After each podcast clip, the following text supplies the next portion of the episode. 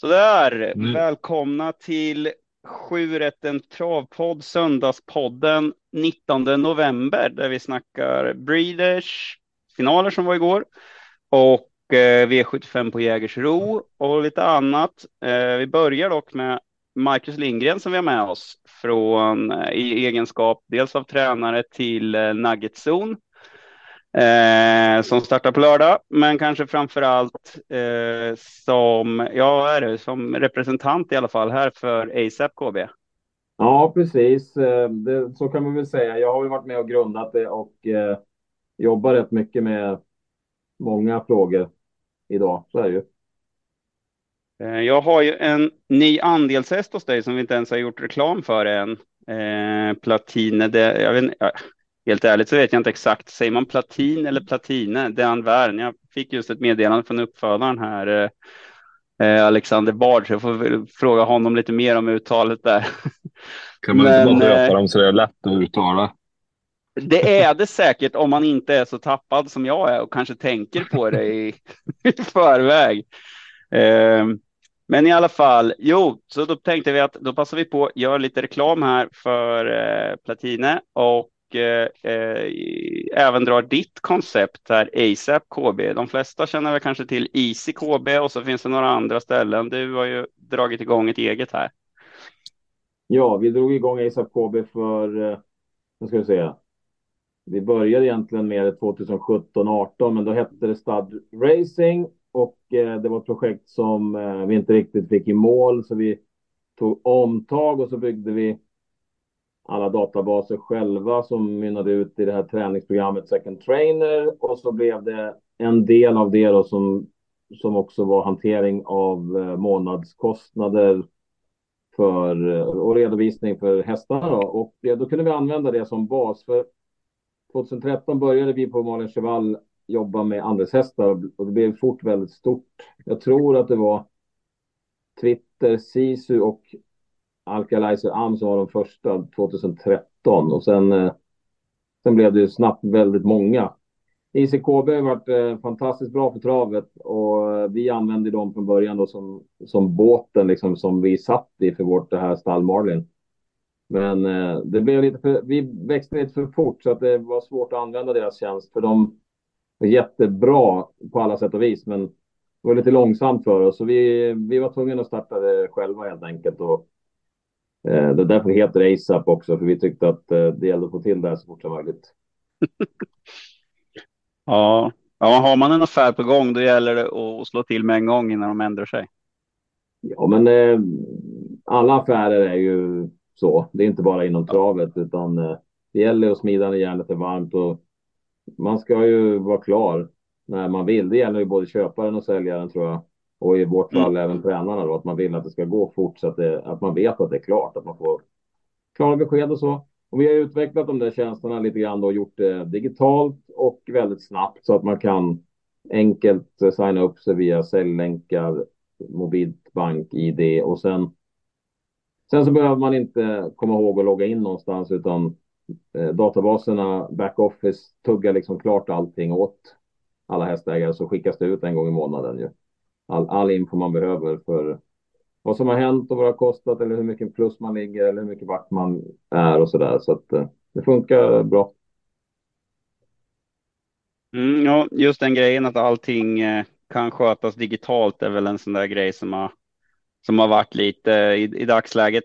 Eh, jag höll på på semestern och det var någon som ville köpa en andel och då skulle man. De hade inte de tillgång till skrivare. Det hade inte jag heller på semestern.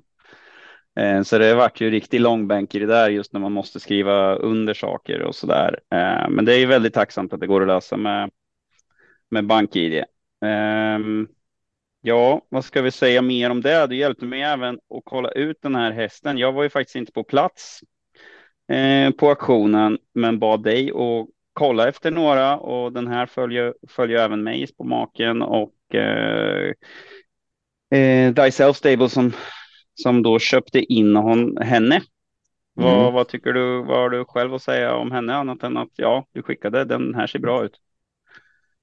Nej, jag tyckte att det var en fin häst och som du säger, jag hjälpte till att välja ut den och det är en av grejerna som, som vi jobbar med på ASAP också, att vi vill ha full flexibilitet och full service till alla så att vi har kopplat till kompetens i många områden och inklusive då inte bara min egen kunskap kring att välja ut unghästar, utan det finns andra som är kopplade till teamet också.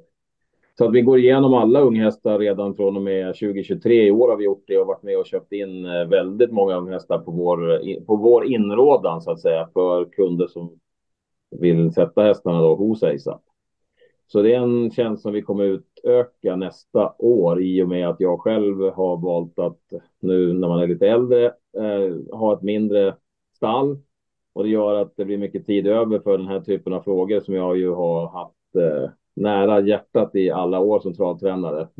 Det är väl väldigt många som vet att jag har åkt jorden runt och jobbat som talangscout i många år och varit med både i USA, Frankrike, Sverige och tagit, med, tagit ut många topphästar genom åren. Så att, eh, det känns kul att kunna göra det och hjälpa andra.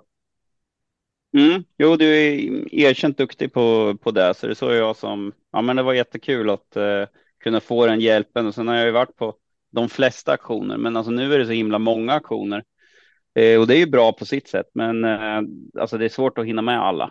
Nej, det är ju så. Allting i branschen, alla branscher blir väl mer och mer specialiserade så att eh, mm. jag tänker att det här kan vara en bra grej också för oss att eh, ha som lite edge eh, på marknaden i och med att eh, vi, ja, vi kan verkligen hjälpa till. Vi kollar på alla unghästar som finns och sätter betyg och rangera dem i olika nivåer så att vi både kan hjälpa uppfödarna, potentiella köpare och tränare för hur man ska matcha och välja sina, välja sina köpeobjekt.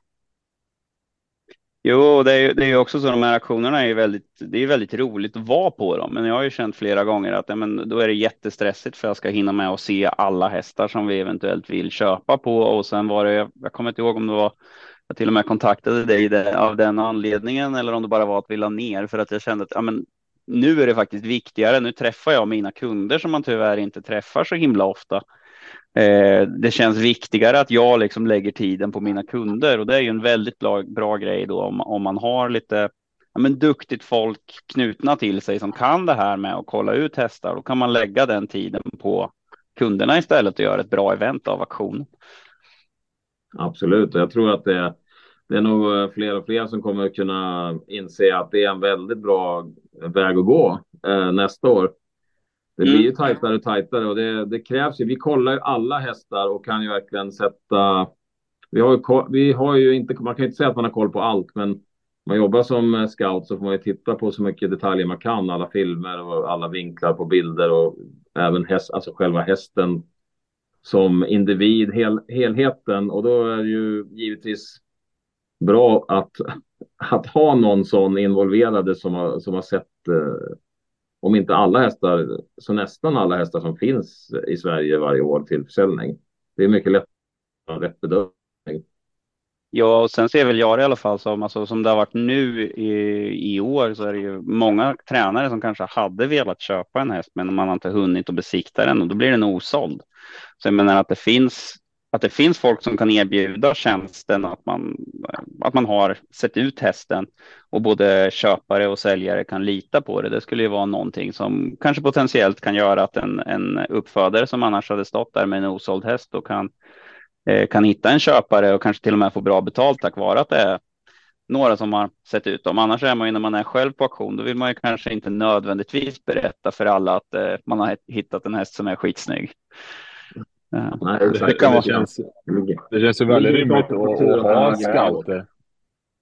Alltså, det, det, känns ju väldigt rimligt att man har scouter liksom, som hjälp, alltså hjälper tränare och sånt. För det är liksom om man bara drar andra paralleller med andra sporter. Det är ju en huvudtränare för ett hockeylag har ju inte tid att kolla på när juniorerna spelar och vilka som är heta där. Alltså det känns ju jätte, som en jättebra lösning om det finns scouter som bara ägnar sig åt att kolla upcoming stars och hur de ser ut inför auktion och sådär. Eh, för att kunna lägga allt fokus på att träna sina hästar och ta hand om sina kunder och så vidare. Det, så är det ju. Det, I den professionella världen när det är en sport så är det så det funkar och i USA har det varit så i många år.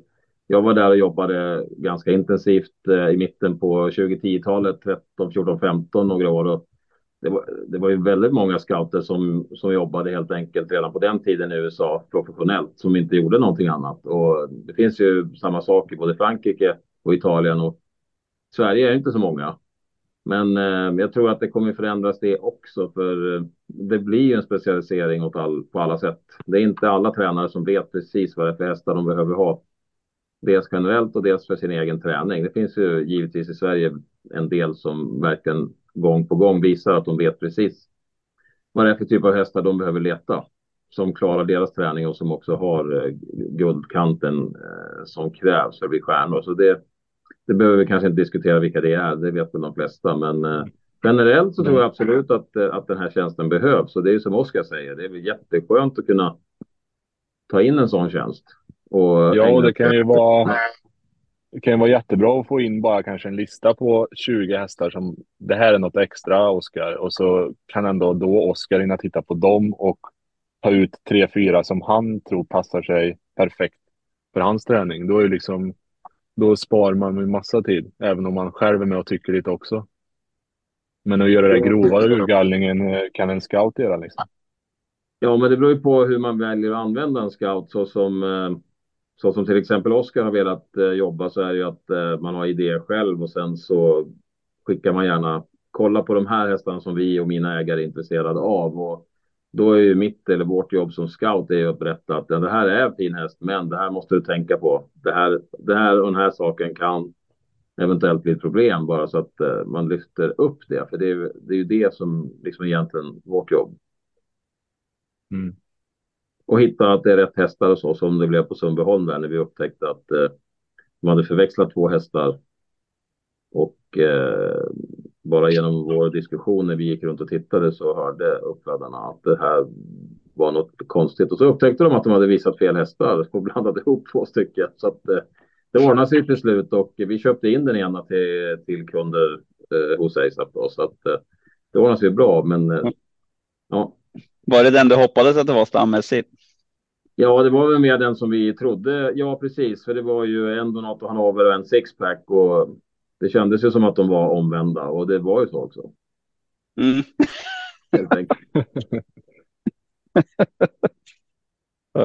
det var tur att vi gick och diskuterade högljutt så att alla hörde så att det blev, kom upp. Eh, eh, vi trodde givetvis inte att det var fel hästar, men vi tyckte att det var väldigt eh, det var väldigt märkligt att det var så uppenbart att den ena såg ut som den andra och tvärtom. Som man trodde att de skulle se ut. så var det. Det är väldigt komiskt faktiskt. Ja. Ja. ja men det var kul att det ordnade sig. Ja. Mm. Uh, ja. Vad, um, men om vi kollar då, vi har ju som sagt ICKB lite där man utgår ifrån. Jag tror de flesta som har haft andelshäst uh, är nog, är nog vana vid det. Det de har där är autogiro. Det erbjuder ju ni också. Eh, men vad jag förstår så måste man inte ha det för de som gillar att se sina fakturor och lägga in dem själv.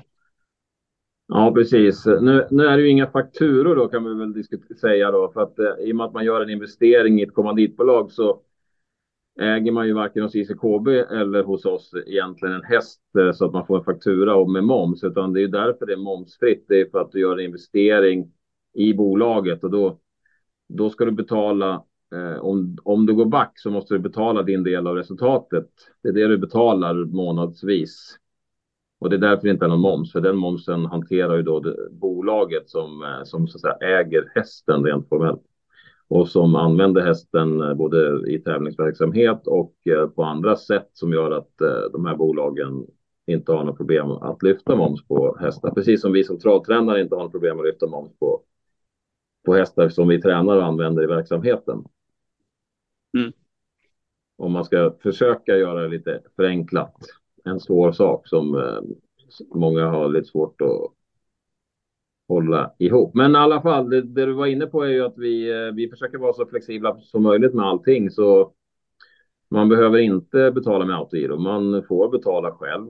Och eh, man behöver inte vara svensk heller, utan i och med att det är tillåtet för eh, vem som helst egentligen att äga en andel i ett svenskt kommanditbolag så tillåter vi både utländska bolag och privatpersoner att vara med. Men eh, vi gör ju en screening givetvis av, av, alla de här personerna som vill vara med utifrån. Men vi har inga som helst problem med det. Och vi har även eh, bank-id-möjligheter för norrmän också sedan eh, några veckor tillbaka. Mm -hmm. Ja. Det är ju riktigt bra. Ja, ja norrmännen, norrmännen är varmt välkomna. Jajamän. Vad, vad, ska vi, vad ska vi säga mer då? Nå någonting som en del frågar om. Egentligen kanske det är bättre att det är Martin som faktiskt är andelsägare i, i en häst. Eh, ställer frågor. Är det någonting som du funderar på? Men det är lite så här med vad för olika upplägg man kan ha. Så där. Jag vet, jag har ju många kompisar som menar så här. De vill veta vad det kostar och när jag liksom har sen frågat Oskar så bara så här, ja, alltså svårt att säga ett svar och många kanske många kanske vill ha den här tryggheten att ja, det kostar lite mer, men det är en fast summa. Eh, och vissa kanske vill att ja, men Oskar kan få 50 procent av insprungna pengar bara jag får betala mindre i månaden och liksom ja, olika upplägg för att få in nya hästägare som, som gillar som har lite olika krav. Ja, och det är, eh, det är en fråga som ligger oss eh, på ASAP, vi som jobbar med det, väldigt varmt om hjärtat. Vi vill ju på alla sätt egentligen vara med och hjälpa till att eh, hitta bättre vägar för travet och hitta fler eh, kunder, det vill säga hästägare, både nya och gamla. Så eh, vi hjälper ju alla tränare som kommer till oss eh, och egentligen diskuterar fram vad som är bästa lösningen för dem. Så vi har alla möjliga, alla möjliga grejer. För det som händer i andelsgruppen är ju att eh, databasen bara tar hand om alla kostnader och eh, det fördelas ut på alla andelsägarna så att eh, om Oskar Svanberg då till exempel har en speciell månadsavgift. Det kan inte vi göra så mycket om. Vi kan ju prata med Oskar från början och undra vad han har för idé med sin eh, med just den här hästen med andelsägandet och gruppen och så. Och då har, ibland har vi kommit fram till att en del tränare har valt att göra ett totalt eh, all inclusive pris inklusive precis allt, inklusive både eh, tävlingsresor och veterinärer. Och sen är det ju många då som gör precis som jag gör i mitt stall till exempel, att det är all inclusive på allting utom just veterinärer och eh, resor till tävlingar i och med att eh, det är så svårt att skatta på och svårt att göra en schablon. Eh, ja. ja. eller så är det ju så att eh, att eh, man har sin vanliga taxa bara. Men eh, allting är möjligt och man kan välja när man startar upp en arbetsgrupp så får man välja hur många andelar man vill ha. Man kan välja precis det upplägget om man vill ha fast pris eller om man, man kan till och med eh, lägga på varje månad som vissa gör för att liksom skapa en pott. Att man betalar in mer än vad, vad man har kostnader. I och med att det man egentligen gör är ju bara att eh, hålla efter så att man inte ligger för långt efter vid årets slut när resultatet ska det. Jo, det, så har jag haft förut. Jag har haft eh, Josefssons redovisningstjänst som, som inte längre gärna tar några andelshästar, men de, de har haft det och det har varit väldigt uppskattat. Just det där att man kan ha, jag vet inte, vi diskuterade det lite. Jag tror vi skulle ligga runt, ja, men runt tusenlappen kanske per tjugondel varje månad eh, och så skapa en sån pott. Och det, det, som är med det är väl att alla är jättenöjda så länge man betalar det. Sen är det ju väldigt tråkigt. Det, det blir lite sura miner när man får betala in något, något, extra om det blir något. Så där är det ju ganska bra att ligga så att man man har en buffert liksom. Eh, många gånger kan man ju bygga upp den bufferten om man har hästen redan som ung häst. Ja, eh, för att eh, som, som ett och tvååringar är ju som regel i alla fall eh, inga större kostnader. Mm. Nej, precis. Att det finns alla möjligheter och, och vi vill ju försöka bygga bort alla problem och, och hitta lösningar istället. Och mm. eh, white label lösningar som nu har vi också börjat. Det är tre tränare som har börjat med det här. De skickar in eh, massa info om hästarna varje vecka. För eh, då kan systemet skicka ut det på mail då till, eh, till, till respektive delägare. Eh, väldigt enkelt. Så den tjänsten finns ju också och eh, det kommer byggas på jättemycket tjänster eh, kring ASAP eh, under 2024. Vi har ju precis börjat bara. Ja, nej, men det känns. Det känns jättespännande. Det ska bli. Det ska bli väldigt intressant för mig också och se hur det funkar. det är väl inte alls omöjligt att att jag själv att jag själv går med i hästen.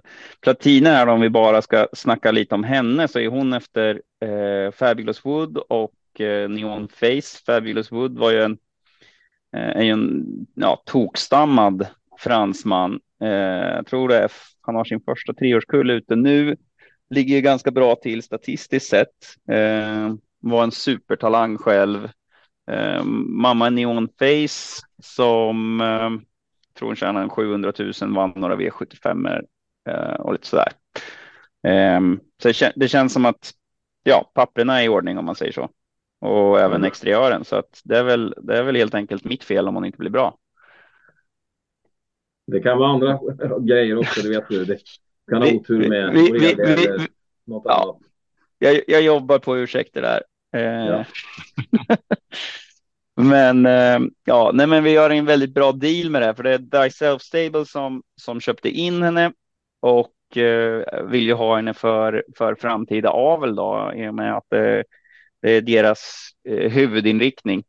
Men då, då säljer vi eh, tävlingsrätten lite billigare då, så det man gör helt enkelt är att man ja, ungefär halva priset, 2 500 per eh, tjugondel så är man med och äger bara tävlingsrätten. Så att eh, sen, sen när hon har tävlat färdigt, eh, som finns reglerat när det blir i avtalet, men det är ju när man helt enkelt känner att nu har hon, nu har hon tjänat sina pengar. Nu är det inte vettigt att ha henne i proffsträning längre. Eh, då, eh, då går hon tillbaka och går till, och går till avel. Eh, Där finns det en grej, Oskar, som man behöver berätta. För mm när det gäller de här tävlingsrätterna hos ASAP så är det inte alls eh, så som det är vanligt i, inom svensk travsport annars med det här med leasing och att det är tids, tidsbaserat. Där, vi var med i begynnelsen och hade en hel del tävlingsrätter där vi eh, tog in eh, tävlingsdelen på fint stammade avelshästar av externa parter och eh, skrev vanliga avtal med tävlingsrätt. Men då i, i ett par fall så när, det ut, när de tog slut då vid femåringssäsongens slut i de här fallen som vi hade så hade hästarna liksom haft lite problem med uppträningen och gjort väldigt bra sista säsonger så att de hade tjänat mm. nästan 90 procent av sina pengar som femåringar och verkligen den ena hade vunnit flera V75-lopp till exempel. Eh, och då ville ju ägarna fortsätta. Men då sa ju de som hade lisat ut hästarna att nej, vi tar tillbaka dem och fortsatte tävla med dem. Och mina kunder blev allihopa helt skogstokiga på mig och tyckte att det var mitt fel. Så då tog vi fram ett nytt koncept efter det. För det, jag upplevde också att de hade rätt. Det kändes ju inte alls bra att de hade varit med och betalat i fyra år. Hästen var i kanonform och då helt plötsligt gick den bara tillbaka till den som skulle ha den för avel och så fortsatte de att tävla med den. Så att när det gäller mm. tävlingsrätter hos ASAP, våra avtal är så att går du med i en tävlingsrättsdel så kan du vara helt lugn med att den kommer inte att få tävla för den som så att säga äger avelsrätten. Utan det är det här är inte en leasing på tid, utan det här är väldigt uppdelat mellan tävling och avel. Så mm. den som äger avelsrätten äger rätten till aveln och den som äger tävlingsrätten äger rätten till tävling. Punkt. Och ja, det är, det är någonting som jag hoppas kan mm. Eh, slå, slå ut i hela Sverige kring det här med leasing. För det andra upplägget som har funnits via ST och även ISO och ASVT, så det, det är en helt annan grej och det, det är inte bra tror jag för, för någon egentligen, förutom Nej. den som äger eh, den som äger hästen då. Nej, det lät Ja, jag vet inte vad du känner där Martin. Hur kul det hade varit om, om eh, jag tror du skulle tänkte vara med på Platino. Alltså säga att hon mm eh, men går riktigt bra där som femåring så känner man att ja, men hon skulle nog kunna fortsätta vara med i diamantstoet här i, som sexåring. Eh, och, så säger Thyself Stable bara ja, men vi tycker ju att avel är roligare. ja, nej, nej, då hade nog det inte blivit någon mer täv tävlingsrätt med, med det stallet. nej, men, vi har inte haft något problem heller kan jag säga för att när man har de här avtalen så betyder det att om du har ett sto som inte har tjänat de pengar de borde och är i bra form när, de, när det egentligen går ut så är alla alltid helt överens med att ja, men då är det lika bra att de som tävlar med hästen får tävla ett år till. Därför att mm. då kommer det bara bli bättre meriter. Mm. Så man löser det genom att ha delat upp det på avel och tävling. Har man bara en tidsbegränsad leasing som det alltid har handlat om tidigare, då har du det där jätteproblemet med att då kan den här den, den som har leasat ut hästen anse att den kan fortsätta med den hur den vill och då är det mycket svårare att diskutera. Så det är mycket schysstare att göra så här från början. Tycker mm. vi. Så vi har ju sett till ja, att vi gör så. Ja, jag, ja, jag menar det konceptet med tävlingsrätt. För jag som verkligen bara brinner för och tycker tävling är så kul. Eh, är ju skönt att då bara kunna släppa allt och allt är löst när tävlingskarriären är över. Ja. Så det är ett eh, toppenkoncept för min egen del. Ja, men vi har ju sett det på många hästar nu redan genom de här fem, sex senaste, senaste åren att det funkar väldigt bra. Det, alla tycker det är skitbra. Ja, ska man se det i längden så tror ju jag, alltså bara man får tillräckligt bra pris på tävlingsrätten. Eh, om man köper några stycken så går det ju plus på att bara köpa tävlingsrätten. Sen är det klart, vinner du Oaks eller någonting, ja, då var det kanske lite synd att du bara köpte tävlingsrätten, för då har du ett otroligt avelsvärde eh, i hästen då. Men ja för det mesta så går man nog plus som, som köpare när man köper bara tävlingsrätten. Om man inte betalar liksom, ja, men 80 procent av värdet, det tycker jag aldrig man ska göra, utan man ska ju ner en. Det ska ju vara ett, ett bra sto som eh, du får en bra deal på. Men som i det här fallet där man, där man får hästen för halva priset, då tycker jag att eh, det är ju, det är ju jättebra. Alltså, vi, vi, som det var nu så några som ska vara med på den här var superbra hästägare. Vi köpte en Ridley Expressmer eh, som, som vart skadad och så skulle vi sälja henne som fölstod. Det tog ju världens tid innan vi ens vart av med henne som, som, marknaden, som marknaden är just nu. Ja, exakt. Eh, det, det, just nu, det går inte att jämföra med någonting. Precis det som har hänt nu efter eh, efter Solvallaktionen i augusti när allting ändå var relativt eh, normalt fortfarande och eh, sen kom alla dessa dåliga nyheter och eh, framförallt då eh, inga nyheter från ST hur de skulle tackla det inför framtiden. Så det är klart att eh, det har skapat en väldigt dålig period just nu de här senaste månaderna. Men det vi som jobbar med det här tror väl att det kommer att ordna sig på något sätt inför inför framtiden i alla fall. För någonting måste SD komma med också för att inte mm, det ska bli helt galet eh, på uppfödarsidan ju. Det ser man ju och hör och det har ju SD också hört givetvis. Ja, det är lite otäckt att de bara vägrar att komma med någonting, för det är, det är så pass uppenbart att man, man, måste, man måste göra något. Vi är nog många tränare som ja, ser sig omkring lite grann. Eh, vad, vad har vi för alternativ om det här bara kapsejsar liksom. Eh, sen är det väl så att de allra bästa, de, de alltså både vad gäller tränare och, och, eh, och unghästar, de får ju ändå bra betalt så att säga. Det ser man ju på, eh, på de aktionerna där det är den här absoluta eliten. Eh, då, de hästarna får ju alltid bra betalt. De som normalt sett kostar över 500, de fortsätter att kosta över 500 så att säga. Men det är ju för de här vanliga hästarna som. Så är det ju. Det, det, det, blir ju mer och mer professionellt hela, hela branschen, hela sporten. Så att det är klart att eh, har ju en viktig roll eh, ihop och jobba med också att vi ser till att vi inte avlar med hästar som inte har någon kommersiell möjlighet. Alltså folk som gillar att avla på sina favorithästar måste ju nog börja förstå att då gör man det för sig själv och då behåller man de hästarna. Man tar inte ens ut dem på auktion. Utan mm. Eh, den tiden är förbi. Man kan inte göra så längre utan man måste ha en produkt också idag. Och eh, det, det är också en grej som vi på ASAP tror att med det här scouting eh, eh, bedömningssystemet som vi håller på med att vi kommer kunna hjälpa uppfödare också att ta besluten vad, vad det är de ska satsa på. För det gäller att förstå marknaden också. Om det är så att man föder upp för att man har tänkt sälja på marknaden och så uppfattar jag det att många av de här hobbyuppfödarna som håller på ändå tycker att de ska kunna sälja på, på marknaden och då, då måste de ju titta vad det, vad det är för produkter som efterfrågas också. Mm. Nej, ska det vara de produkterna som du säger, eh, då måste det ju vara attraktivt att ha en vardagshäst, för de är ju när man ser dem antingen man ser exteriören eller man, man tittar på stamtavlan så ser man ju att ja, men det här, ja, det här kan nog vara en rätt så vettig vardagshäst. Ja. Men när man vet att en sån går jätteback, då är det ju inga ägare som vill ha häst till proffsträning som är intresserade av dem. Nej, och det här är ju... det är ju att en sån häst blir jättebra, men, men det är ju inte mm. så vanligt. Det är inte så ofta man har blivit förvånad så. Nej, och här måste ST göra någonting med total omfördelning mellan eh, jag har skrivit om det flera gånger. Jag tycker det är helt uppenbart att man bör införa någon form av avkastningskrav på ATG, att det ska finnas en procentuell eh, siffra på sista raden som ATG ska alltid leverera till sporten, punkt slut. Och sen får de internt fixa med sina kostnader som i alla andra verksamheter i hela världen som inte är kommunala eller landstingsmässiga eller liksom från staten. Och det här är inget statligt bolag. Det här, det här ehm, är ett ehm, helt fristående aktiebolag som servar svensk travsport. Och det går inte att ha det på det sättet att man inte har ett specifikt avkastningskrav på hela kassakon för hela branschen. Som jag ser det. Det är för mig helt obegripligt, men eh, jag kanske inte begriper något.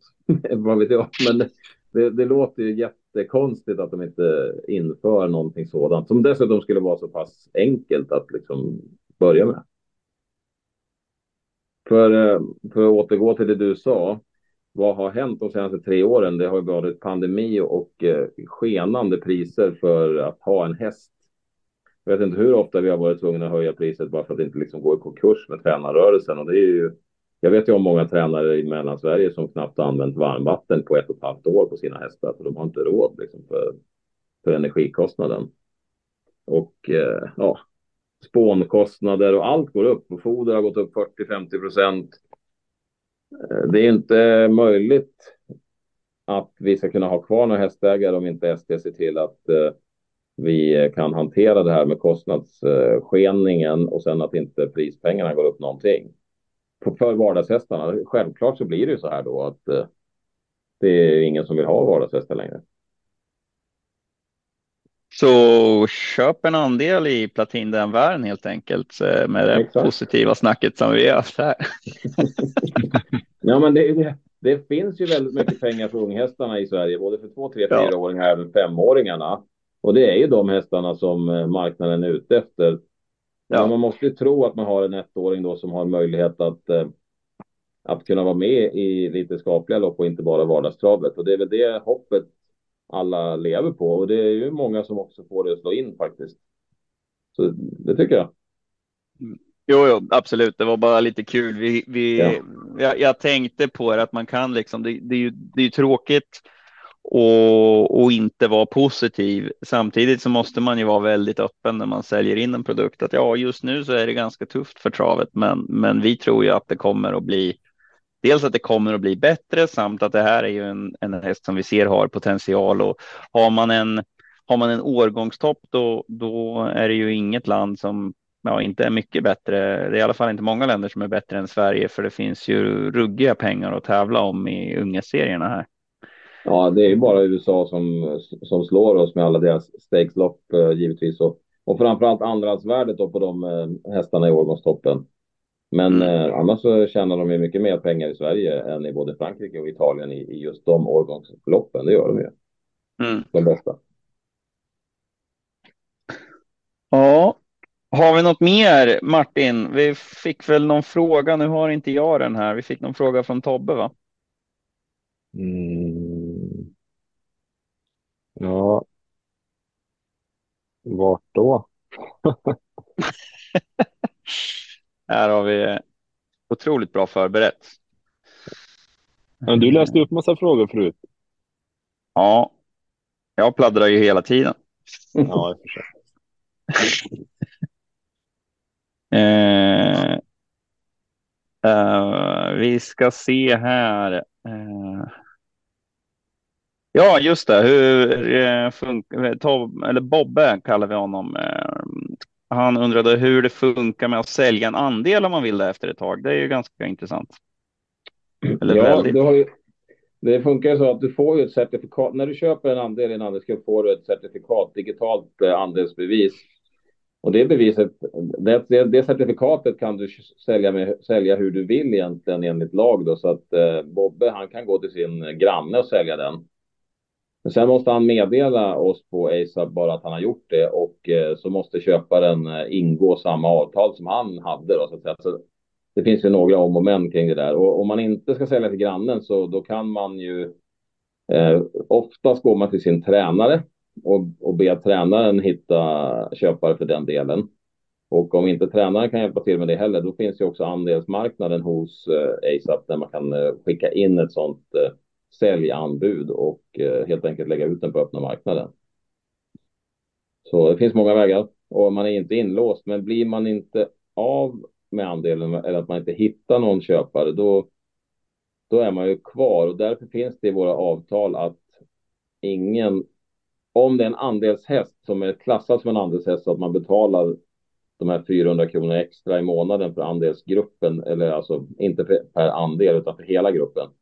Då har man något som kallas återköpsgaranti och efter, när man har haft andelen då i minst 24 månader har man rätt att sälja tillbaka den till, till kommanditbolaget för 400 kronor. Om man inte hittar någon. Så det är det absolut längsta man kan bli kvar i en häst om det är en andelshäst. Så är det i två år. Ja. Mot sin vilja eller vad man säger. För det är, det är ju för att just på grund av den här frågeställningen så ska det finnas någon, måste finnas någon form av gräns. Mm. Man, man, kan välja som andelsgrupp när man startar hästarna att välja bort återköpsgarantin och då blir det ju billigare varje månad eh, för att administrera hästen.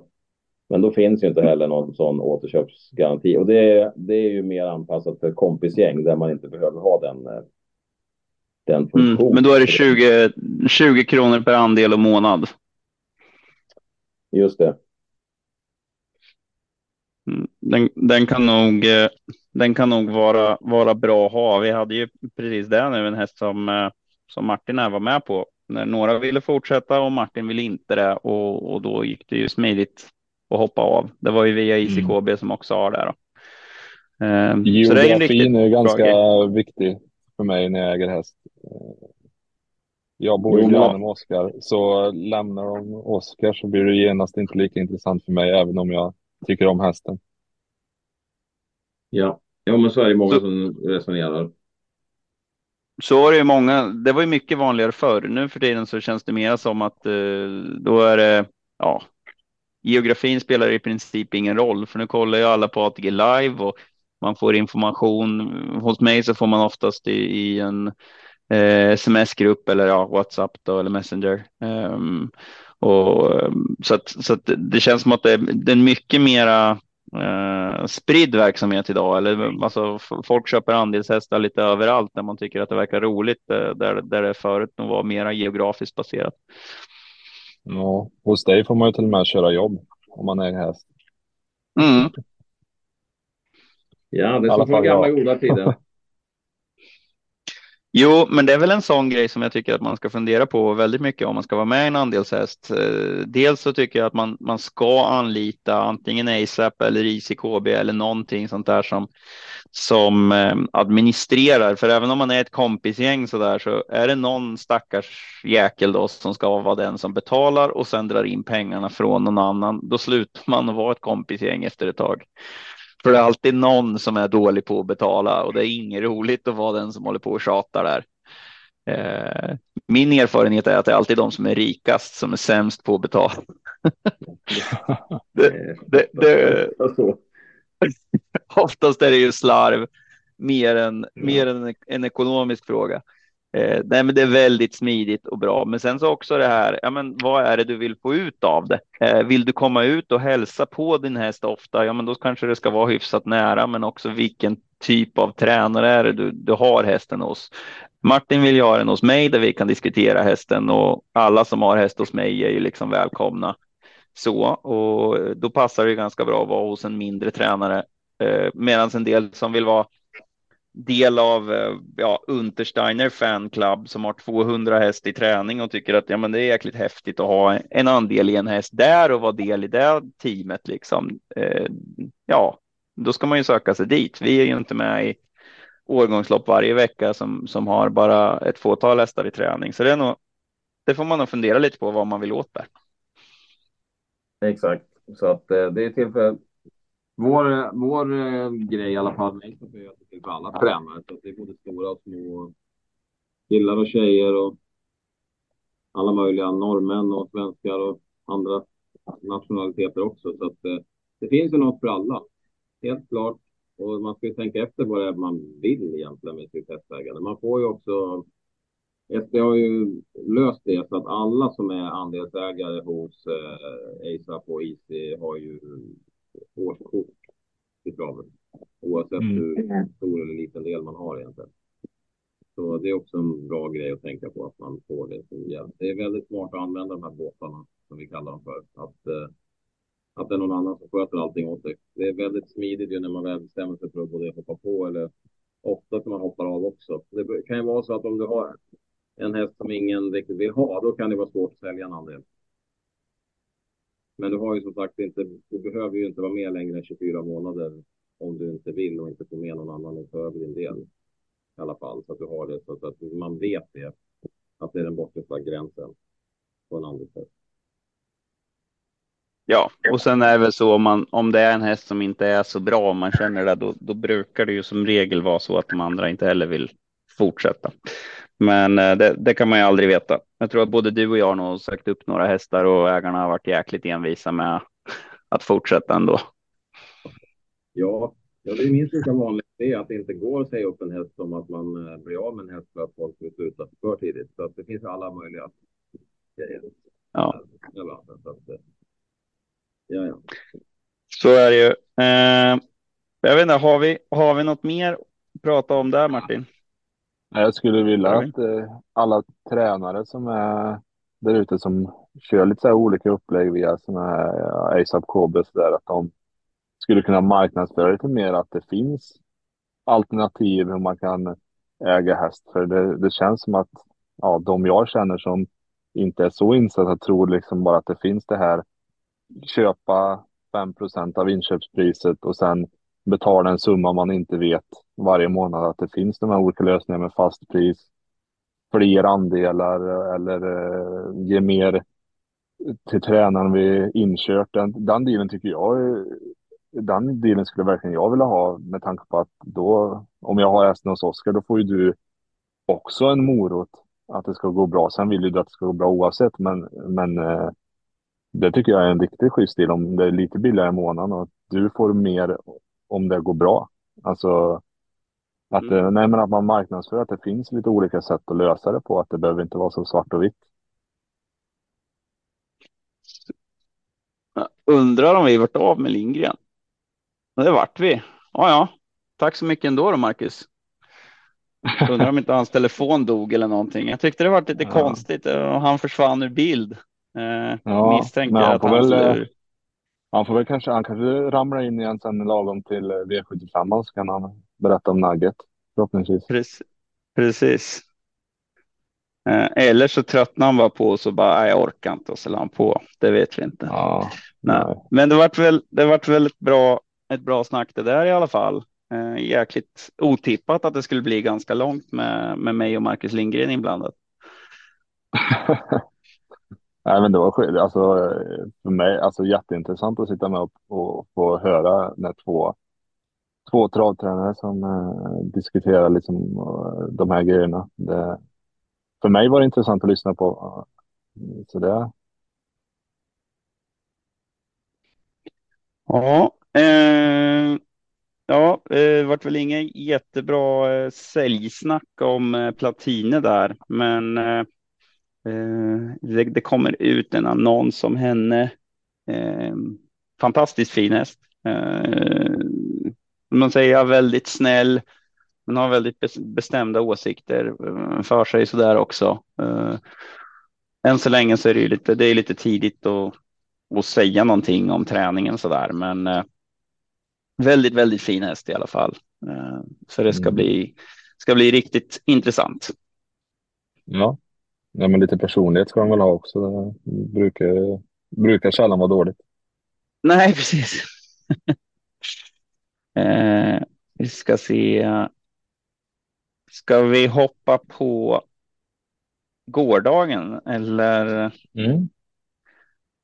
Och medan vi bläddrar fram det tycker jag att vi passar på att säga grattis på födelsedagen till vår, eh, ja han är hästägare, eh, trogen lyssnare men framförallt medhjälpare och kompis eh, Göran Lundström som fyller år idag. Mm, grattis Göran. Som är en stor hjälp här på gården faktiskt. En sån här oväntad grej. Han kommer och hjälper till här på, på sin fritid som är ganska, det är ganska mycket fritid när man har blivit pensionär faktiskt. Så det är vi ju otroligt tacksamma för. Väldigt viktig roll där. De här startlistorna blir inte alls lika roliga för mig att eh, läsa upp som det var tänkt. Det var tänkt att Janna skulle ha startat, vilket hon tyvärr inte gör för att hon varit första reserv. Mm, men i lördag, så startade, i lördag startade hon inte oavsett, för då var det ju Breeders. Då kom hon inte med. Mm, mm. Ja, då var hon först utan. Ja. då också. Så att, ja, lite stolpe ut där. Eh, lite stolpe ut för den sista tiden kan vi lugnt säga. Eh, men det fanns väl någon mening, någon mening med det också.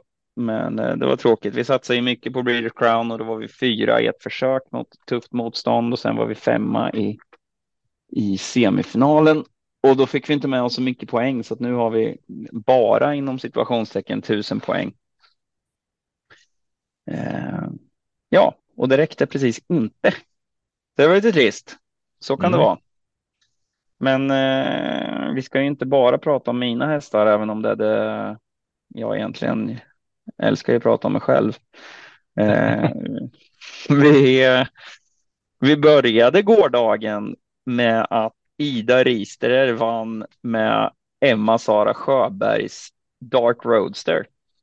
Det var ju väldigt kul eh, kusk och tränarkombo som fick vinna guld. Rätt häftig häst det där också. Jag har varit så jäkla ja. sugen på, på den eh, under många år. Jag vet inte hur gammal han är nu. Men, eh, ja, ruggigt fin häst i alla fall. Efter Superfoto Cosmos. Mm. Lite, och det har jag inte ens tänkt på.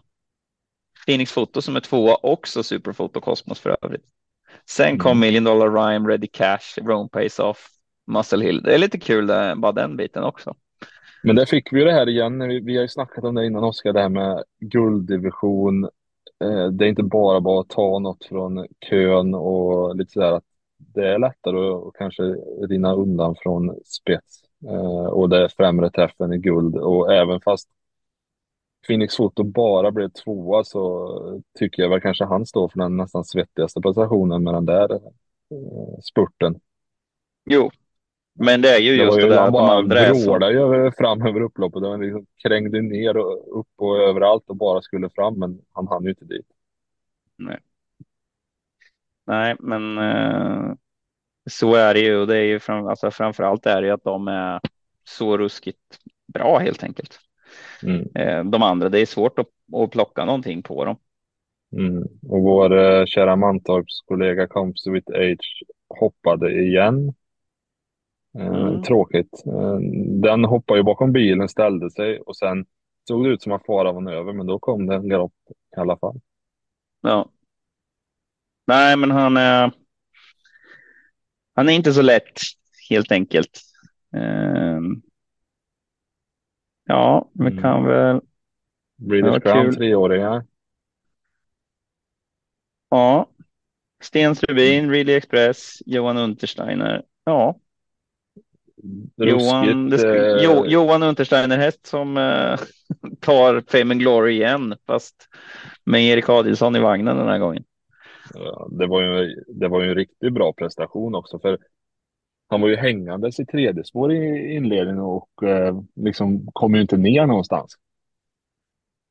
Och sen så till slut så löste det sig. Kom ner, jag vet inte om han kom ner i andra spår, sen kröp ner i eh, kröp ner tredje in eller något. Jag, kommer, jag hade inte riktigt koll på vart han var sen, men sen fick han ju lucka av, av en galopp och, och spurta ner Fame Glory, så det var ju liksom ingen, det var ju en topprestation dessutom. Nej, det var ingen, ingen bluff. Um, vad har vi mer att säga där? Mm. Några di Quattro trea Immortal Doc får inte riktigt till det, men är ju fyra från sport 12. Det är inte. Ja, hade nog kunnat sluta längre fram med, med ett bättre läge. Ja. Ja, men den kan nog vara någonting till nästa år kanske. Jag vet Fredrik Wallin har ju sagt att han. Eh, Eh, har sprungit med handbromsen i hela tiden. Jag vet inte om det, det kan vara ett lir för derbyt eller något kanske. Eh. Sen det var ett stöjelopp, V753. Det var ju Ferrari Sisu bara bäst. Det där är ju ja. ruggigt bra. Ja, otroligt bra. Det trodde jag nog att PowerDoc skulle ha mer att ge, men det kanske var, det var nog en blandning där. Ferrari Sisu kanske var bättre än vad jag trodde och PowerDoc var inte, var inte riktigt där än. Det är många som har lite bekymmer när de är Alltså gå från fyraåring till äldre är inte, det är inte så himla lätt.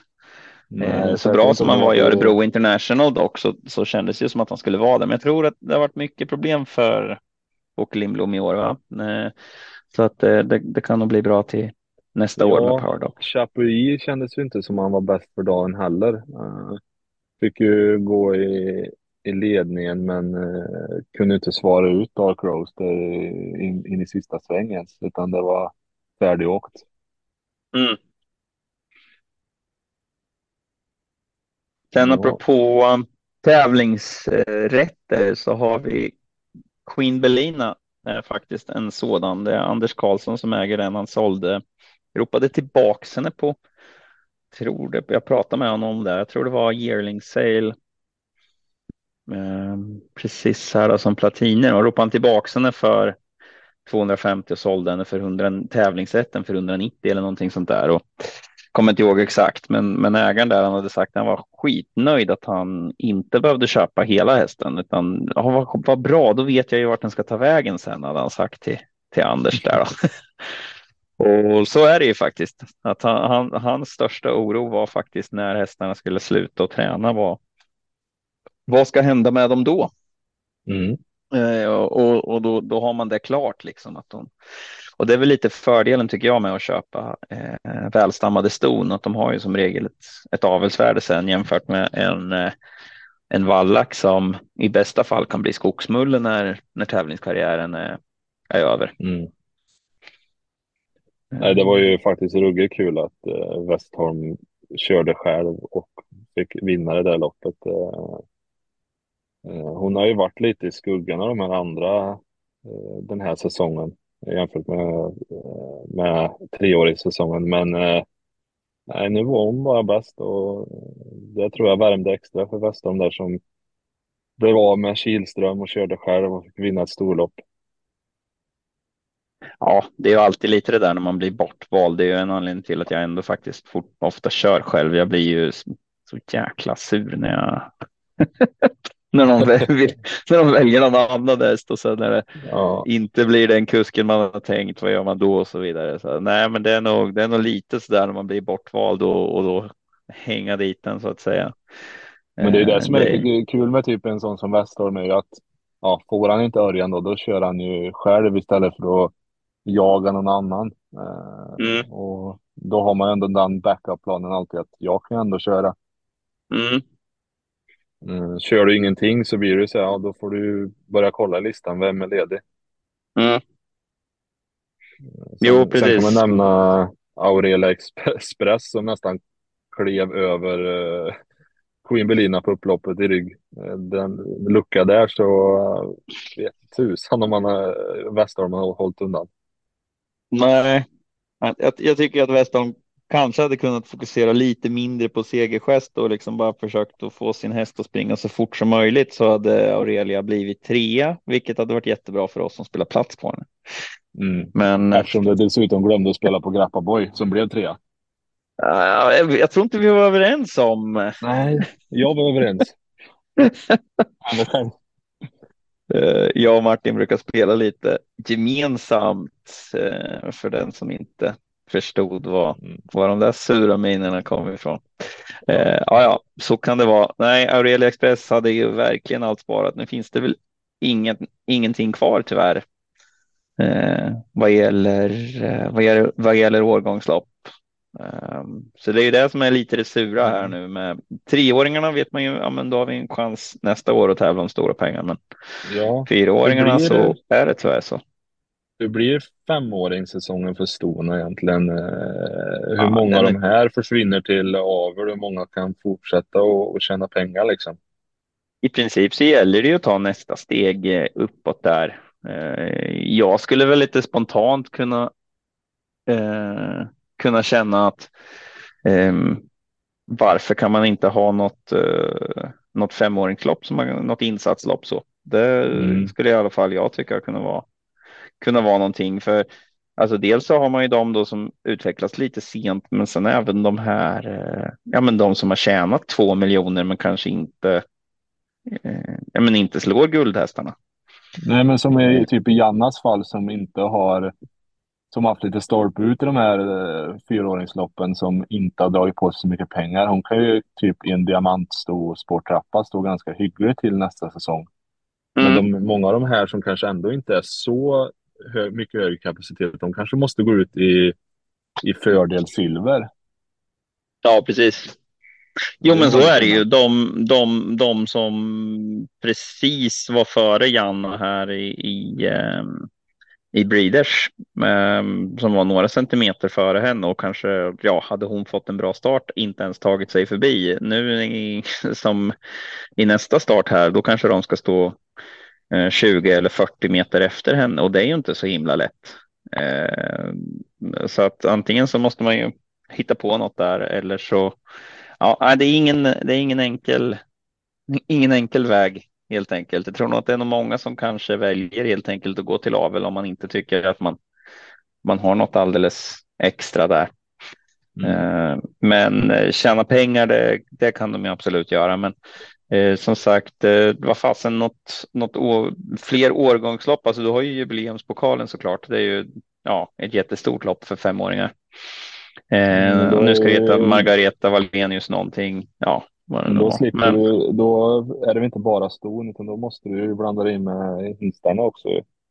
Jo, precis, precis. Nej, jag, tror, jag vet inte om det finns någon sån motsvarighet för stonare. Tror jag inte. Alltså inte med.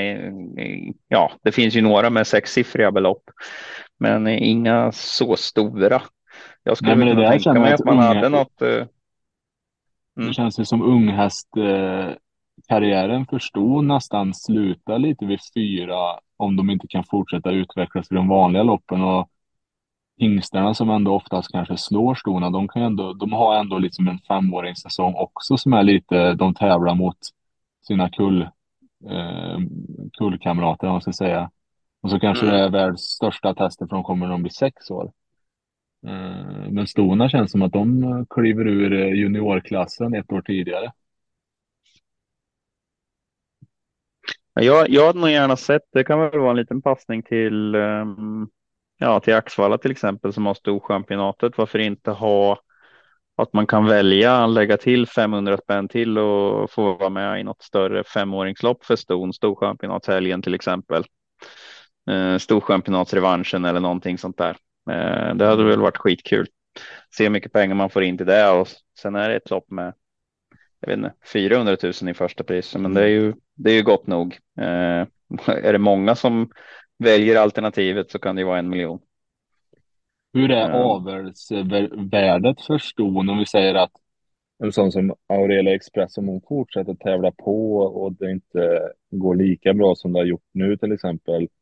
Hur mycket sjunker hennes avelsvärde jämfört med om vi säger att Calgary Games eh, fortsätter, skulle fortsätta tävla och eh, inte kunnat hävda sig. Eh, för hingstarna känns det som att där är de ju livrädda och råkar få stryk mot ett, en vanlig guldhäst och så är, finns det inget värde kvar. Mm. Jo, men det ser man ju som Power som hamnar lite snett på det. Han var ju ändå en av de bästa vi, vi har haft liksom med kriterievinst och ja, med mera. Eh, han vann väl Europaderbyt också tror jag. Va? Eh, men, men sen har han varit ute och varit jäkligt mänsklig och då tappar de ju värdet totalt. Stona tappar inte alls lika mycket. Där är man nog lite mera. Alltså hingstarna är det ju så alltså där är det ju de här absoluta toppindividerna som man avlar på. Stona, om, man har, om du har ett sto som har tjänat över en miljon så är det ju svinbra. Och har du någon som är så pass bra som Aurelia Express, eh, hennes värde kommer ju vara jättehögt oavsett. Så det, ja. det, där, där är det nog inga, där är det nog inga större bekymmer alls skulle jag säga. Där, där tittar man lite mer nyktert på det så att säga. Då finns det ju ändå hopp om att de vågar fortsätta starta eh, utan, utan att riskera allt för mycket. Ja, ja, ja, nej, jag tror inte du, du riskerar inget. Det är inget mycket där alltså. Um, och sen hade vi slängde vi in en bronsdivision där mitt i årgångsloppen också. Ja.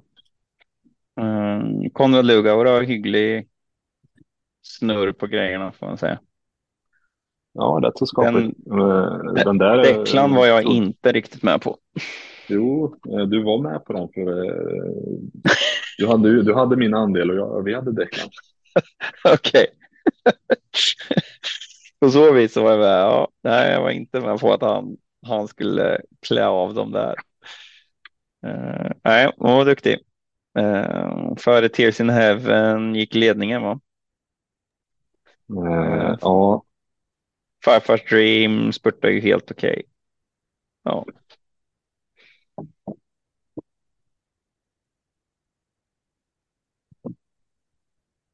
Horses Crazy Horse galoppera Uh, eh, hur gick det för Wäjersten? Excuse me, var ja, åtta där följde inte den. Eh, uh, det har vi inte tid att kolla direkt heller. Sen hade vi. Var det den enda som tog spets från spår 1? Mm, det var inga ja. problem i alla fall. Ja, Robin Backer sa ju bara att nej, det är inga problem till Hagort. Och det var många som ifrågasatte det, men han eh, han hade helt rätt. Det var absolut inga problem att hålla ledningen. Nej, det var och det var väl lite ett sånt lopp att kommer eh, hon till ledningen då behöver Adri Adriatica eller någon annan vara ruskigt bra. Mm. Och det var ju lite där som, som många spelare stod och gamla mellan att eh, ja, blir hon fast eller vinner hon? Det var väl lite där man fick ta ställning. Ja,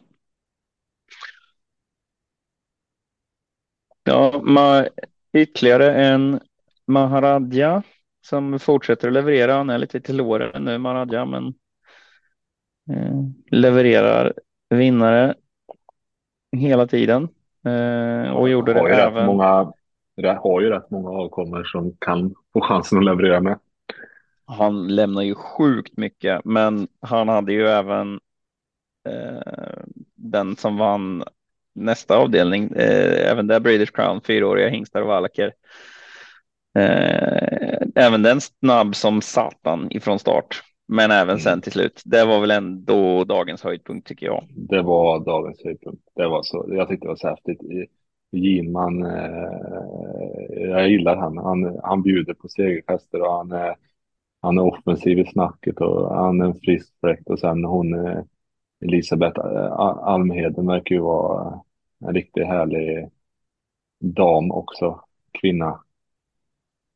Eh, så den, nej, jag tycker det är kul när någon sån här eh, lite, lite mindre eh, häst vinner och så var det liksom en helhets Kalmarseger där med Ginman som kusk också, att han får köra och mm. inte någon annan. Jag, tr jag tror att de flesta förstår nog inte lite vad som krävs, för det kommer alltså till en tränare som, man, som har en häst som är bra på riktigt. Dels så kan det nog komma en hel del att eh, till ägaren kan det nog komma lite att man kanske ska skicka den till en jättebra tränare, men till tränaren kommer det ju definitivt att man ska ta en av toppkuskarna och så förstår du inte vilken skillnad det gör och bla bla bla. Men det mm. alltså det är inte så stor skillnad. Alltså jag hajar inte till så mycket om det hade varit, ja men Örjan hade kört istället för Oskar till exempel. Eh, Oskar kör så pass bra så att alltså, hästen har absolut chansen att vinna. Sen kan det vara några procent bättre som några av de här bästa men Oskar Ginman är en ruggigt bra kusk och har alltid varit.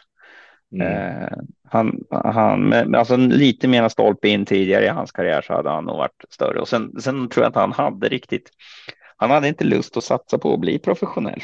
Eh, vet jag. Jag varit lite förvånad när han slutade och, och jobba med det här och är mera på amatörbasis nu faktiskt. Jag trodde mm. att han skulle bli en riktigt bra tränare. Eh, men, eh, nej, men det är jättekul att hon vågar att göra det i alla fall. Eh. Ja, hon, hon har ökat sina tränarsiffror ganska bra från förra säsongen. jo, när man har två hästar så är man ju... ja, från 285 till 2,5 miljoner. Ja. Men det, är, det, är, det är fantastiskt att man har Affair Day och Maroon Day fyra och tre år. Det är mm. de man har och så vinner man ett sånt här lopp. Allt ska ju stämma, han ska vara frisk och ja, det är bara att lyfta på hatten. Ja, verkligen. Och så, så fruktansvärt snabb som han är. Alltså, det är ju något helt vansinnigt. Att, att ingen hade räknat. Alltså, det var några som var förvånade över att han var så att han var så snabb. Jag menar, eh, alltså, vad heter den nu då? Oh, nu står det still i huvudet. Eh, du eh, tänker på Untersteiners? Ja. Dance Brodde. Dance Brodde, ja. Han var ju alltså snabbare än den. Ja, de hade spår 7-8 och Faraday hade väl 8. Ja. ja, och han var snabbare än, än Dancer Brodde som ju då galopperade, men alltså han hade en halvlängd efter 50 meter och då är man snabb för Dancer Brodde är den, ja, den vi trodde var överlägset snabbast ifrån start. Det, var ju all, det har ju aldrig varit någon, liksom någon tvekan om att ja, men han tar ju ledningen från spår 7 mm. om han vill. Sen har han ju felat några gånger när han har gjort om det också. Vi, men, om, vi ställer, om vi ställer affär dig mot clickbait då? Mm. Det tror jag vi får reda på nästa år. Ja. Där får vi se Nej. vad som händer. Nej, men bara, det... bara, vilka hästar, bara vilka hästar och vilka tränare Elisabeth och Jimman slog i det här loppet. Ja, det är imponerande. Ja, verkligen. Ja, och sen eh, loppet efter, jag tror de var trea där. Eh, den var duktig den med. Mm. Eh, så det var en bra dag, men det var lite så där man såg, men jäklar ska de ta en eh, ska de ta en dubbel, men riktigt så bra vart det inte, men jag tror de, de är, kanske inte gråter. Svårt att ladda om där. Tre. Trea med, ja, helbror är det där ja, med Maroon Day. Ja, ja, jag tänkte det. Alltså fasen hinner de ens? För jag menar liksom, alla var i vinnarcirkeln och det är mm. nästan så att det förtar det lite att man har en häst som startar i, i loppet efter. Ja, stryker på grund av firande. Det hade fan, det hade varit coolt. ja, um, ja, nej, men det, jag vet inte om vi har någon mer, någon mer stor dag att, att se fram emot här. Mm, ja, ja jag tycker det var, måste det vara. Eh, om vi ska blicka liksom vidare, var, i, idag tyckte jag var häftigt att se Samotör i i väldigt bra skick. Nu hamnar han längst bak i kön. Jag vet inte om det var medvetet lite preparerlopp, men eh, som han avslutade, alltså det, det var kusligt. Var det 1.01? 1.01 sista 200 på Vincennes efter uppförsbacken. Liksom. Mm. Jo, han men det var väl... Han svepte väl en 12 hästar eller något på upploppet, för de är ju rätt många, 18 stycken. Mm. Ja, nej, det ska bli intressant att följa han mm. i Frankrike i vinter. Jag har ofta tänkt att jag ska följa franska vintermeetinget, men eh, det brukar sluta i att jag inte orkar. Jag orkar inte följa hur mycket som helst. Eh, nu har jag faktiskt inte i år inte hunnit att komma igång med att följa eh, amerikansk fotboll riktigt ordentligt. Jag bara slöföljer det, så vem vet, det kanske blir att jag. Det är många, sven många fina svenska hästar som har åkt ner. Det är mm. det, är det som är lite kul, att det, man känner igen väldigt många. Jo, jo, jo absolut. Men det blir, uh, ja, det, för min del så brukar det bli att jag följer ja, men de största loppen brukar man se. Uh, ja. Sen är det sällan när man sätter sig och tittar på en, en eftermiddag på, på Vincennes och följer även de andra loppen. Det är ju som regel kanonlopp rätt av. Man blir, sällan, man blir sällan besviken. Alltså, det var när jag kollade, jag kollade bara Samotör idag och alltså, det händer så mycket. Alltså, du bara, ja, men andra ut var bra och sen bara blinkar man till så bara, ah, sist i kön. jag vet inte, säga, de, de kör ju till och de kör till och de passar på varann. Och, alltså det är en helt annan eh, körningskultur. Liksom, att det, det, är inte det här bara vi kör sista 700. Nej, precis. Och det är väl därför man, man får säkert, det är, man får säkert sådana lopp av att man har en sån rolig banprofil som de har med att det gäller att få sin position inför uppförsbacken och när det går nerför då passar man på att kliva fram och att det blir, blir lite mer att tänka på och lite mer taktik än att bara ja, ännu en tusen meters bana eh, mm. som alla kan. Ja, den är ju, det är helt otroligt vad svenska vi är. Jag förstår inte det där att vi, alla banor ska vara precis likadana. Mm. Eh, vi skulle ju åtminstone kunna börja tävla i högervarv. Ja, och, så, och, så, och så gnäller vi på att det eventuellt är nedförsbacke på upploppet på Jägersro. Men låt det vara nedför där då, för det är i alla fall något som har Ja, den är väl lite dryg i och för sig. Men, eh, vi får se vad som, vad som händer med Jägersro, om de lyckas få till någon större bana eller, eh, eller vad, som, vad som händer där. Man kan ju hoppas att någon gör någonting i alla fall. Tyvärr så la de ju ner det i, eh, i Mantorp. Vi hade ganska långt gångna planer på att få en eh, 1200 meters bana bara. Mm. Men um, ja, det har varit sämre tider ekonomiskt och så vågar man inte. Vad sa du? Den var 200 meter för lång. Det var där eh, skon klämde. Mm, mm. Jag skulle ju förlänga den. Jag tror en, en huvudgrej var faktiskt att stallfiket var i vägen och då skulle det bli ganska dyrt att, och flytta på det och grejer. Eh, men eh, och sen att belysningen skulle bli så pass mycket dyrare också att bara den biten var ganska stor. Men eh, nej, jag vet inte hundra. Det var stor besvikelse att det inte varit av. För jag tror nästan eh, jag tror vi behöver lite sånt. Eh, för vår egen del här så skulle det ha varit jävligt fränt helt enkelt. Men bara, bara den här grejen att, att om vissa kuskar kommer till en bana de inte kör på så ofta så just det, hur var det, hur var det här? Just det, det, var, mm. det går upp för där och så är det 200 meter längre och lite så här. Ja. Nej, jag, jag hade älskat om alla banor hade olika banprofiler. Mm. Det hade varit en skräll om vi hade gjort en bro över kuskfiket. Ja. ja. Uh, istället, istället för att flytta på, eller inte kuskfiket, stallfiket. Istället för att, istället för att flytta stallfiket så bygger vi banan över. Det hade varit nu börjar vi snacka och tänka utanför boxen här. Mm, uppförsbacke med bro ja. ja, eller att vi bokstavligt talat rundar korvkiosken som man alltid brukar säga att man gör. ja, um, ja, nej men nog med det. Vad har vi i övrigt då? Hänt i veckan? Eh, spännande med Ågerups där stallsätt. Jag kan väl inte påstå att vi är några experter på det. Man får ju tycka vad man vill om. Eh, alltså jag har inte koll på skattemässigt eh, om om Ågerup eh, ska vara skyldig 1,6 miljarder eller inte. Eh, väldigt intressant eh, Uppdrag granskning. Man kunde följa det där en hel del i alla fall. Eh, och, och jag förstår som man fryst lite bankkonton nu så det blir intressant att se vad som händer med Stalset där man då säger att nej, men det mm. finns inga bevis för att han har med Stalsett att göra. Men jag menar herregud, han har ju varit i massor. Alltså alla har ju vetat om från början i alla fall att det var han som startade Stalsett och sen har han varit i vinnarcirklar och på hästgalor och liksom verkligen sagt att han äger hästen och sen helt plötsligt så låtsas man som ingenting. Det där är ju bara. Det är bara larvigt. Mm. Men vi får väl se vad som händer med det. Oavsett så kan man väl säga som så att Daniel Redén är en sjukt bra tränare så att han kommer ju ha. Han kommer ju ha hästar i träning oavsett. Ja. Um, och um, jag vet inte vad jag förstår så finns ju pengarna så snälla betala bara för det var jag tror det var Trott och sport va.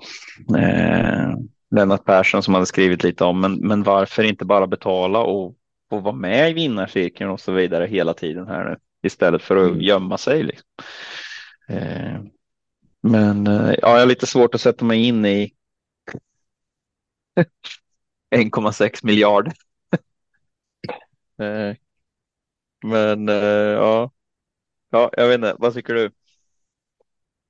Ja, det, det där, just det där området har jag inte superbra bra koll på, men eh, det är ju intressant att följa. Men det är ju, man, blir, man blir ju rätt nyfiken vad som, vad som händer egentligen där bakom kulisserna. Mm. Ja, det är ju en stor sak såklart. Men som sagt, jag tror att eh, ja, det betyder ju inte att, att, att man tycker att det ska vara på en eller andra viset. betyder ju inte att man tycker något särskilt om, eh, om Redén. Han är ju sjukt bra tränare och, och det, det är nog körlista att få ha häst där. Så jag menar, han kommer ju att landa på fötterna. Det är jag ganska övertygad om. Sen är väl han vd för det där företaget. Om det skulle bli några repressalier på det viset. Det är, inte jag heller insatt i, men jag är ju svårt att. Ja, svårt att tro med de det svenska rättssystemet att det skulle bli mer än en, ett slag på fingrarna. Ja. Eh, så att eh, han reder ja, sig det, nog.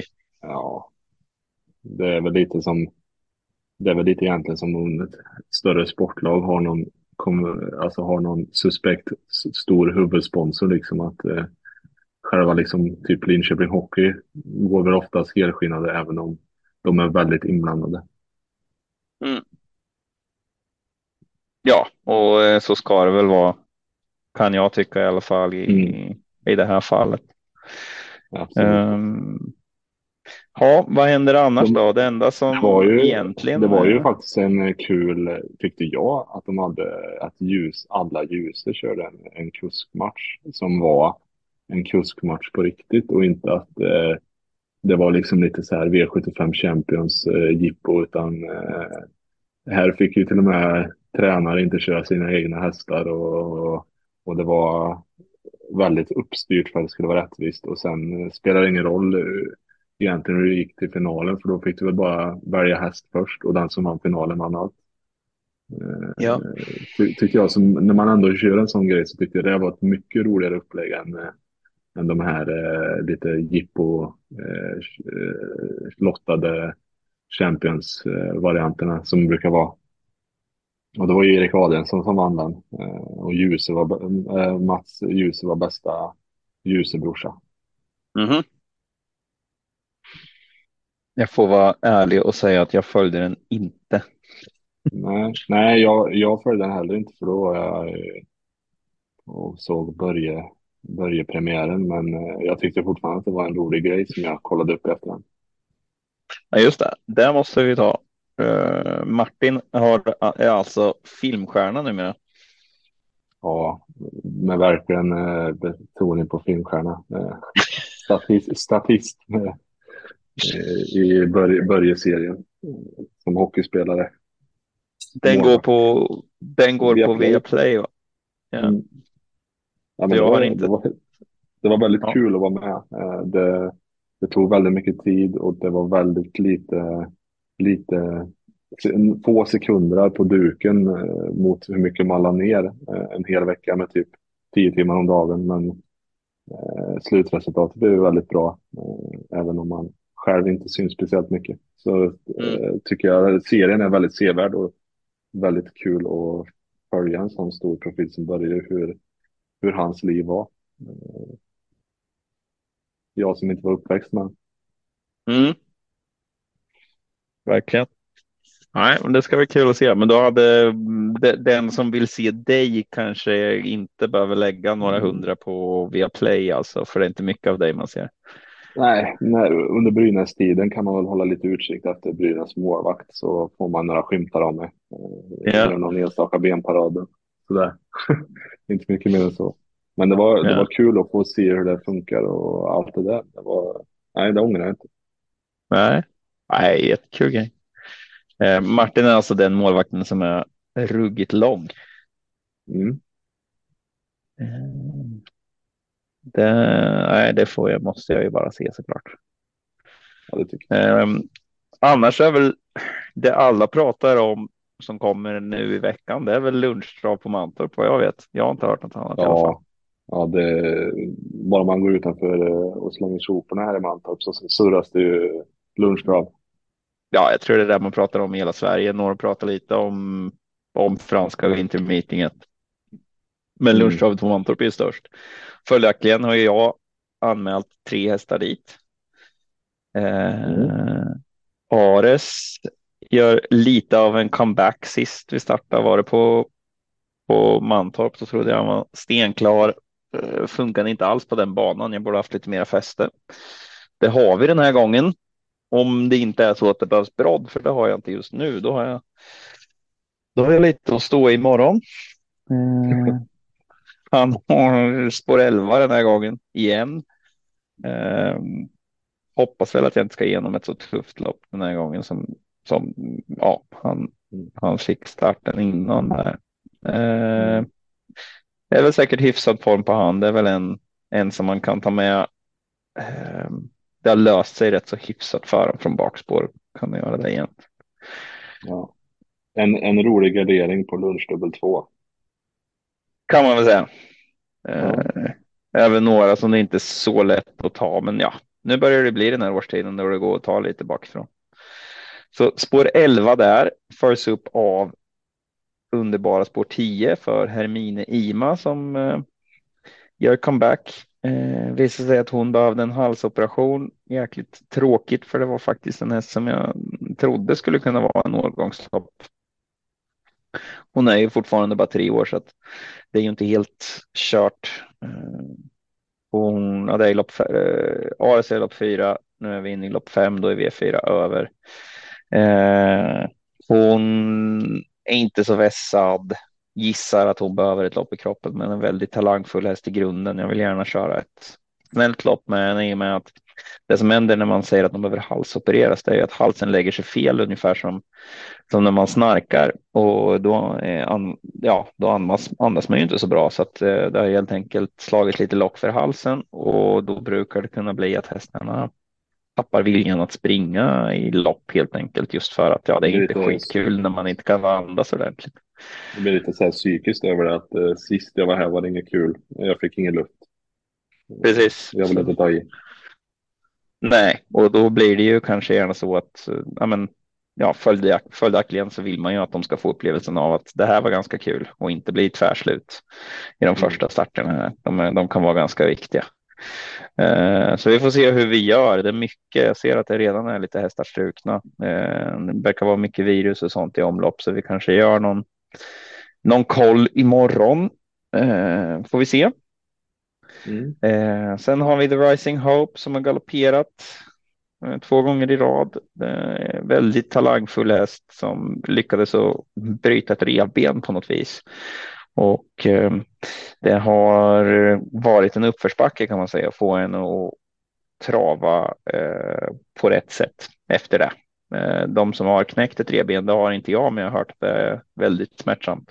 Kanske kan förstå att man eh, skaffar sig ett alternativt sätt att röra sig på. Hon har ju inte ont längre, men faller lätt in i att eh, ja, röra vänster bak på ett lite märkligt vis och då blir det svårt att trava. Men ehm, ja, spår fem gör ju kanske inte saken lättare, men eh, vi ska.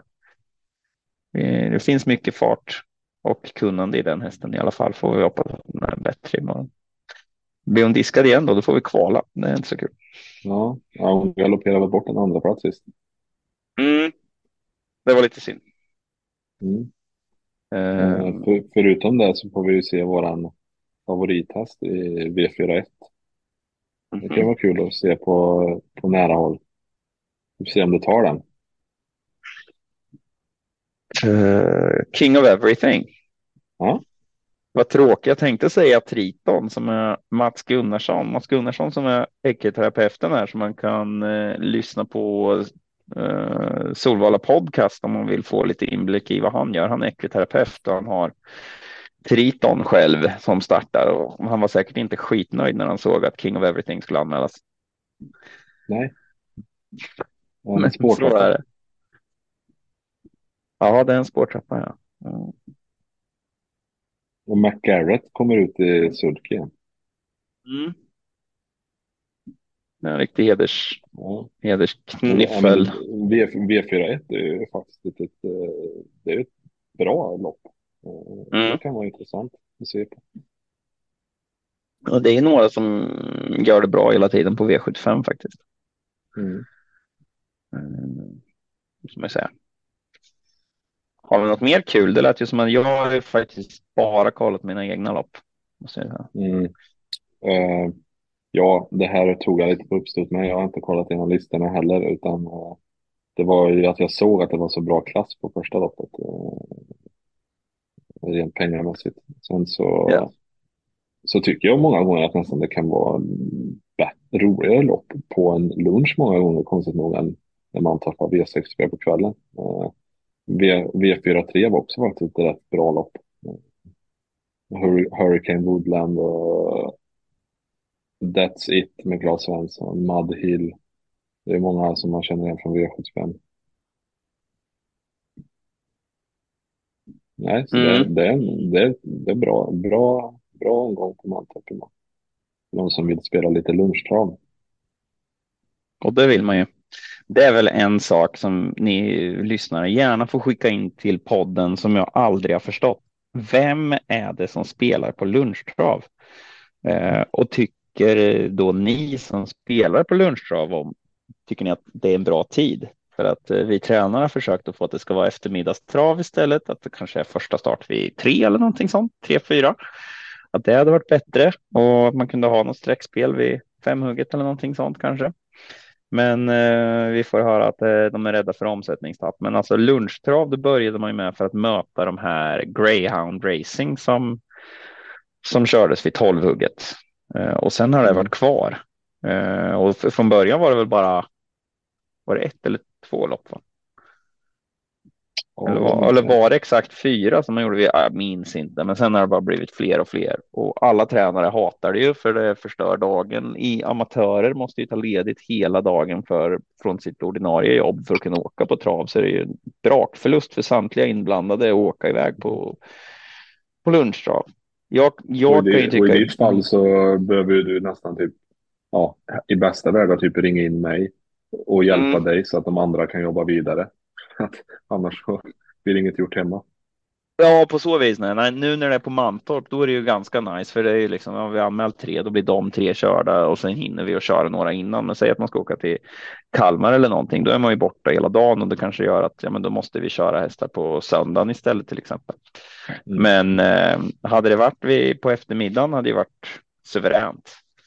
Men eh, det törs de inte riktigt, så att lite inblick i vem som nu tycker om det här med lunchtrav. Alltså inget ont om dem.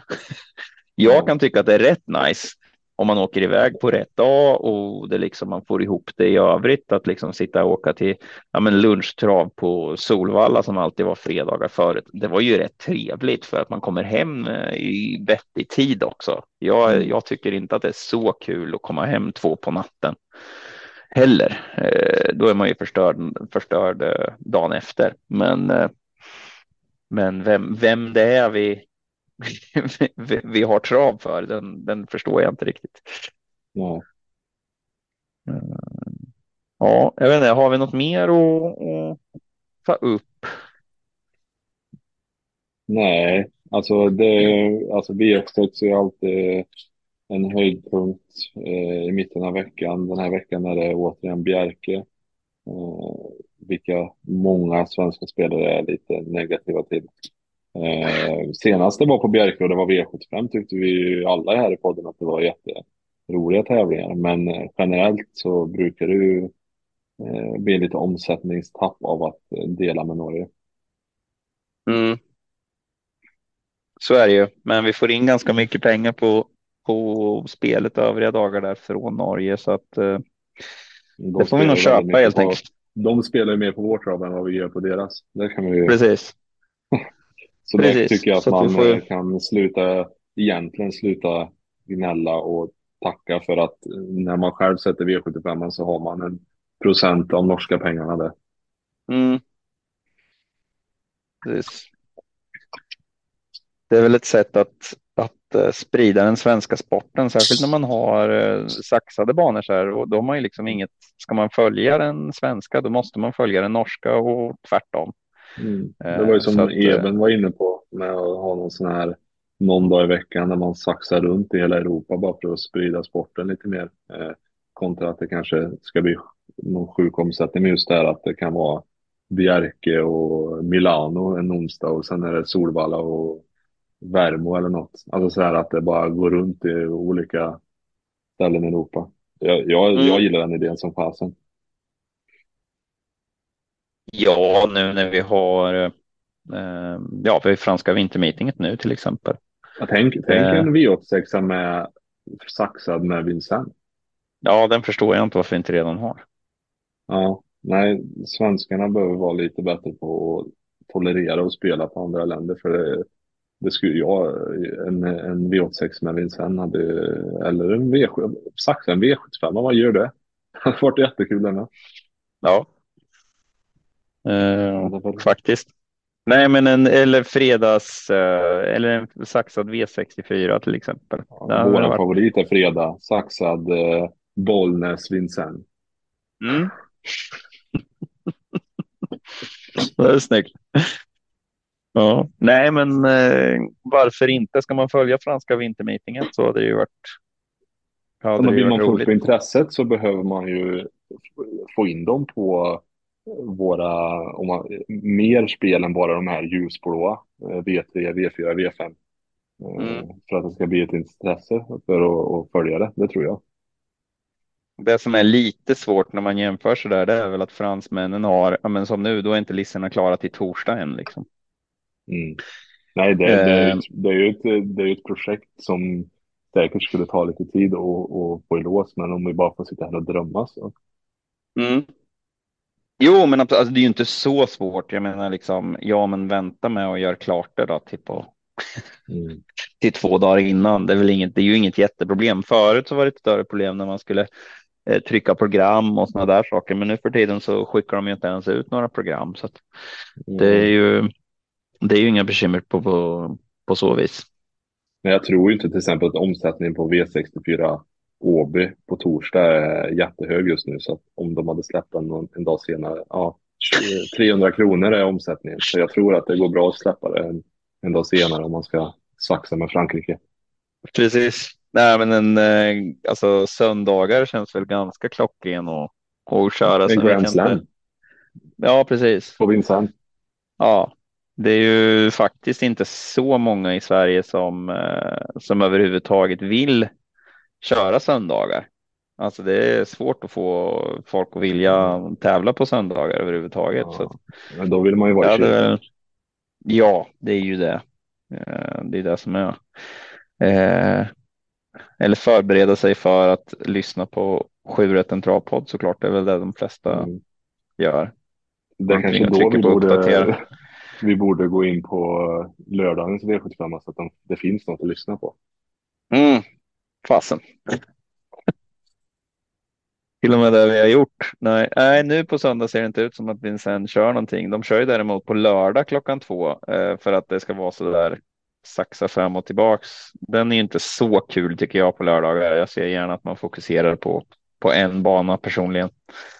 Men eh, de kör första start klockan 14. Men eh, hade det varit en söndag, då, då hade jag tyckt det hade varit hur, hur bra som helst.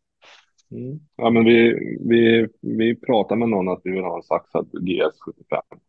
Ja. Vincent och något mer. Det löser vi. Som, som det ser ut nu så får vi köra en V4. Jag vet inte om det är någonting. Eh, vi har inte ens sagt någonting om det. Eh, andel spelen som folk lägger här, de kan man ju eh, köpa man på Vikens spel och där kan man ju nu göra en V4. Så varför inte redan var, nu säga att Martin gör en V4? På lördag, ja. eller hur? Visst gör det? Om, om ATG bestämmer, det får ju ATG bestämma för att de gjorde en pilotomgång förra torsdagen och sedan dess har, eh, när jag pratade med butikschefen har inte han sett att det har gått att öppna några mer V4. Så att jag vet inte om de bara, vi, te vi testar och ser om det är kul. Och sen när jag skulle lägga en V4 i lördag så fanns det inget att öppna. Så att, eh, Aha. Men annars okay. så, så kör vi ju givetvis. Eventuellt så går det att göra en V4 till Vincent. Det vet vi inte. Mm. Jag tror att en Nej. grej med att det inte är V86 och så vidare till Frankrike, det är att de är inte så mycket för de här eh, spelen gällande många lopp vad jag förstår, utan de gillar ju. Eh, de kör väl mera topp fem och så vidare. Mm. Ja. Men de borde tycka att det är roligt med många lopp. Mm.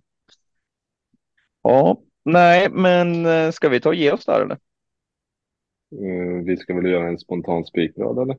Har du glömt? Ja men fan, det hade jag faktiskt. ser vilken tur att du är med. Eh, ja, då öppnar vi listorna till denna förhatliga Jägersro-omgång där jag inte fick vara med, men jag ska försöka att släppa det. Eh, mm. Blir genast på bättre humör när jag ser att vi har en avkomma till Prins L som första häst här. Eh, V751. Hur gillar du att göra det? Ska, ska man läsa listan själv? Jag tycker att det är rätt bra när man kör varannan. Mm, det kör vi varannan, rakt igenom. Det gör vi. Vi börjar med STL klass 1. Eh, och då är vi Jägersro, nedförsbacke. Vad säger vi mer om Jägersro?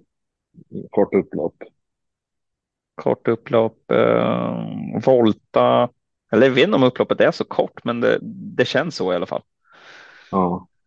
Eh, voltat eh, känns det ganska normalt skulle jag vilja säga. Det är inte så där mm. brett och trevligt som Kalmar, inte lika tajt som, eh, som Eskilstuna. Eh, är det 3000 meters lopp så kör man tre varv och sen vinner Joakim Lövgren har vi sagt förut. Ja, Förutom förra gången, då var han inte med. Så om det dyker upp så är det lättlöst. Yes, bara han har anmält någon.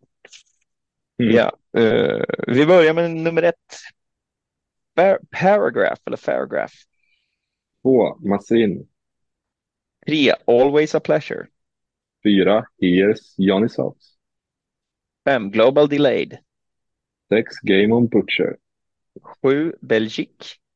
Åtta, Joker Meras. Nio, Midiat Sass. 10. Rock the Sock. 11. King of the Hill. 12. Galea, Galliano Peak. Mm. Ja, jag, jag börjar för eh, här var det lätt för mig. Ja, det är ju samma för mig. Ja, ja. Det är always a pleasure.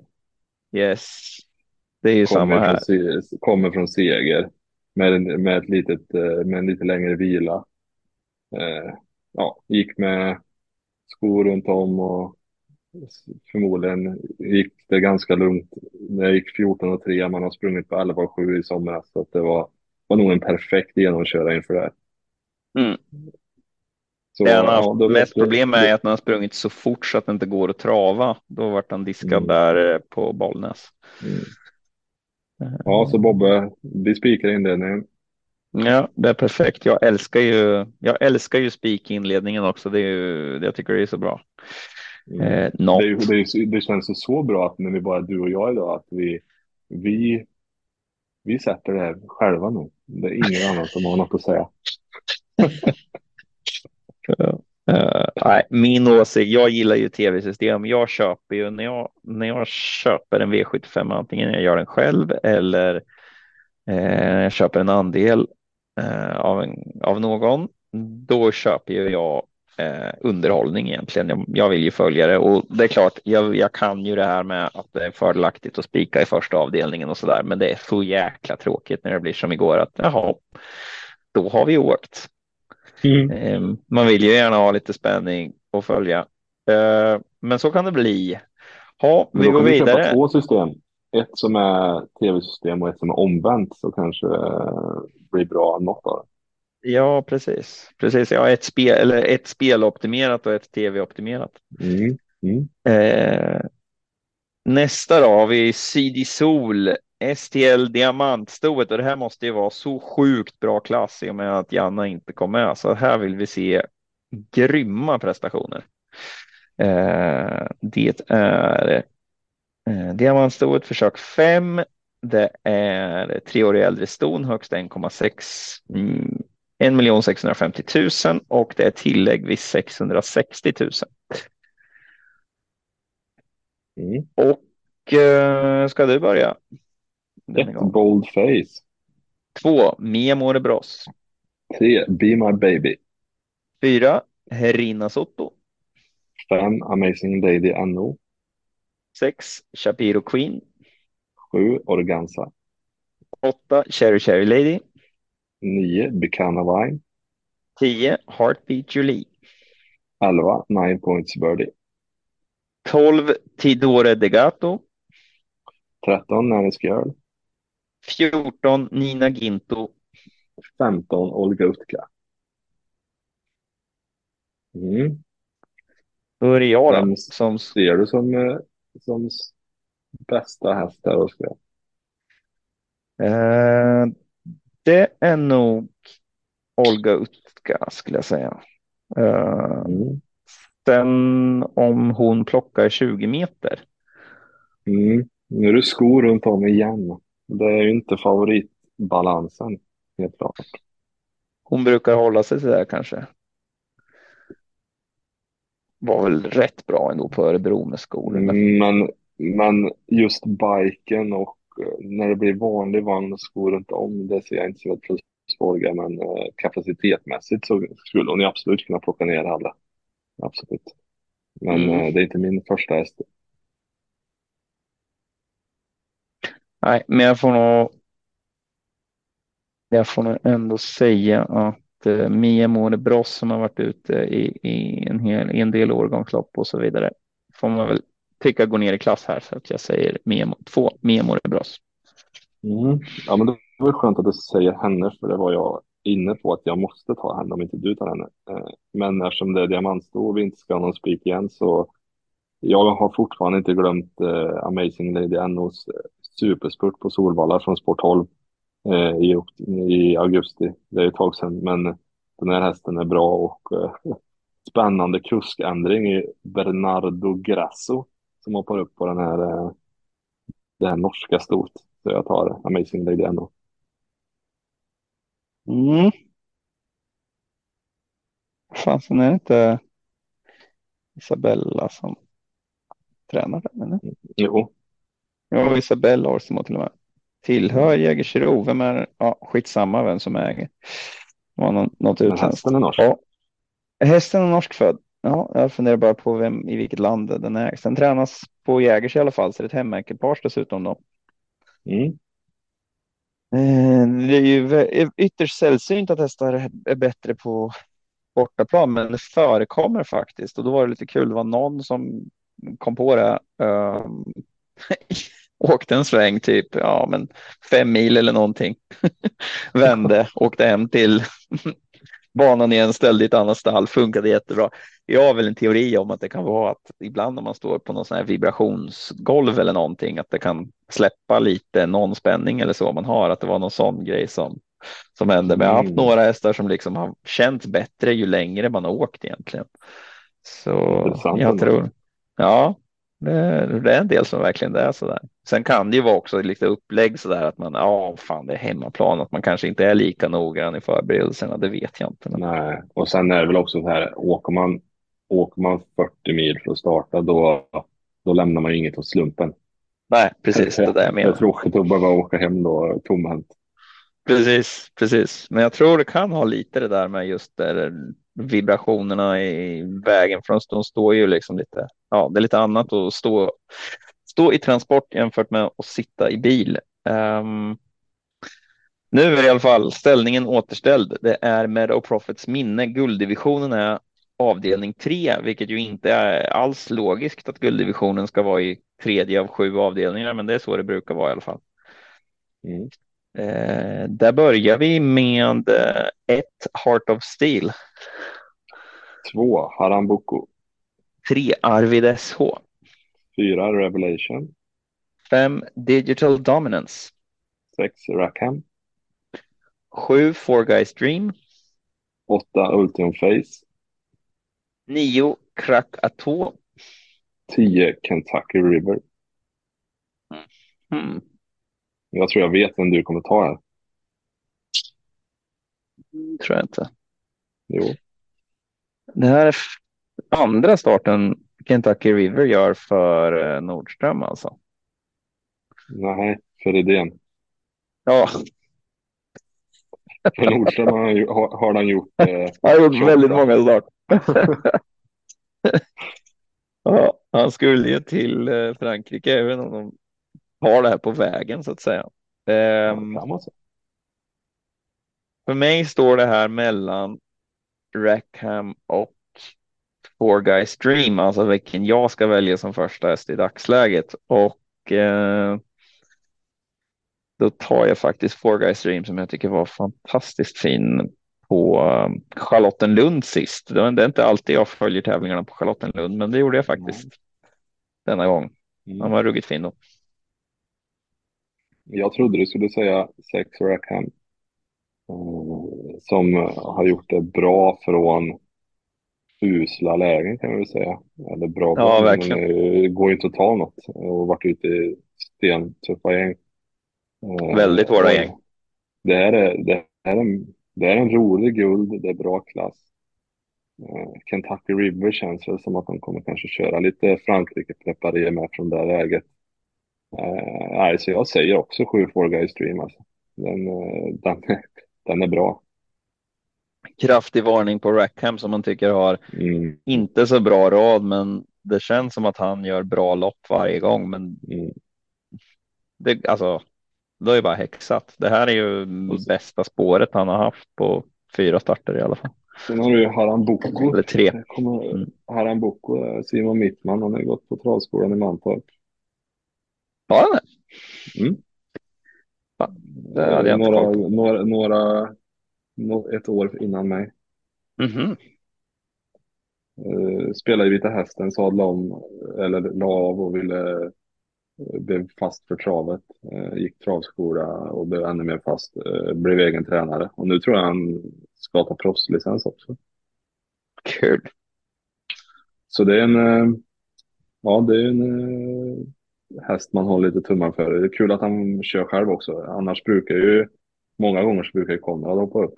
Men nu kör mm. han ju själv. Så nej, det, den, det, det är lyxstreck också. Bara för att man håller lite tumme för den nästan. Eller framförallt kanske för Simon. Men kul med nya, nya, nytt folk in i travet. Verkligen. Han, han jobbar ju som lärling hos Konrad, så jag vet inte om han fick någon deal där. Att han, han var skötare för Haram Boko, så jag vet inte om han kanske fick ta över Haram. Kommer inte ihåg hur det var med det där. Men var, var han inte hos Nordström innan dess och hade mm. hästen då med? Ja, jag vet inte, men han var, jag vet ja. att han jobbade hos uh, Conny i alla fall ett bra tag. Mm. Jo, jag har träffat han där nere eh, några gånger, men ja, ja, strunt samma. Trevlig kille är i alla fall. Delar stall med honom. Eh, mm.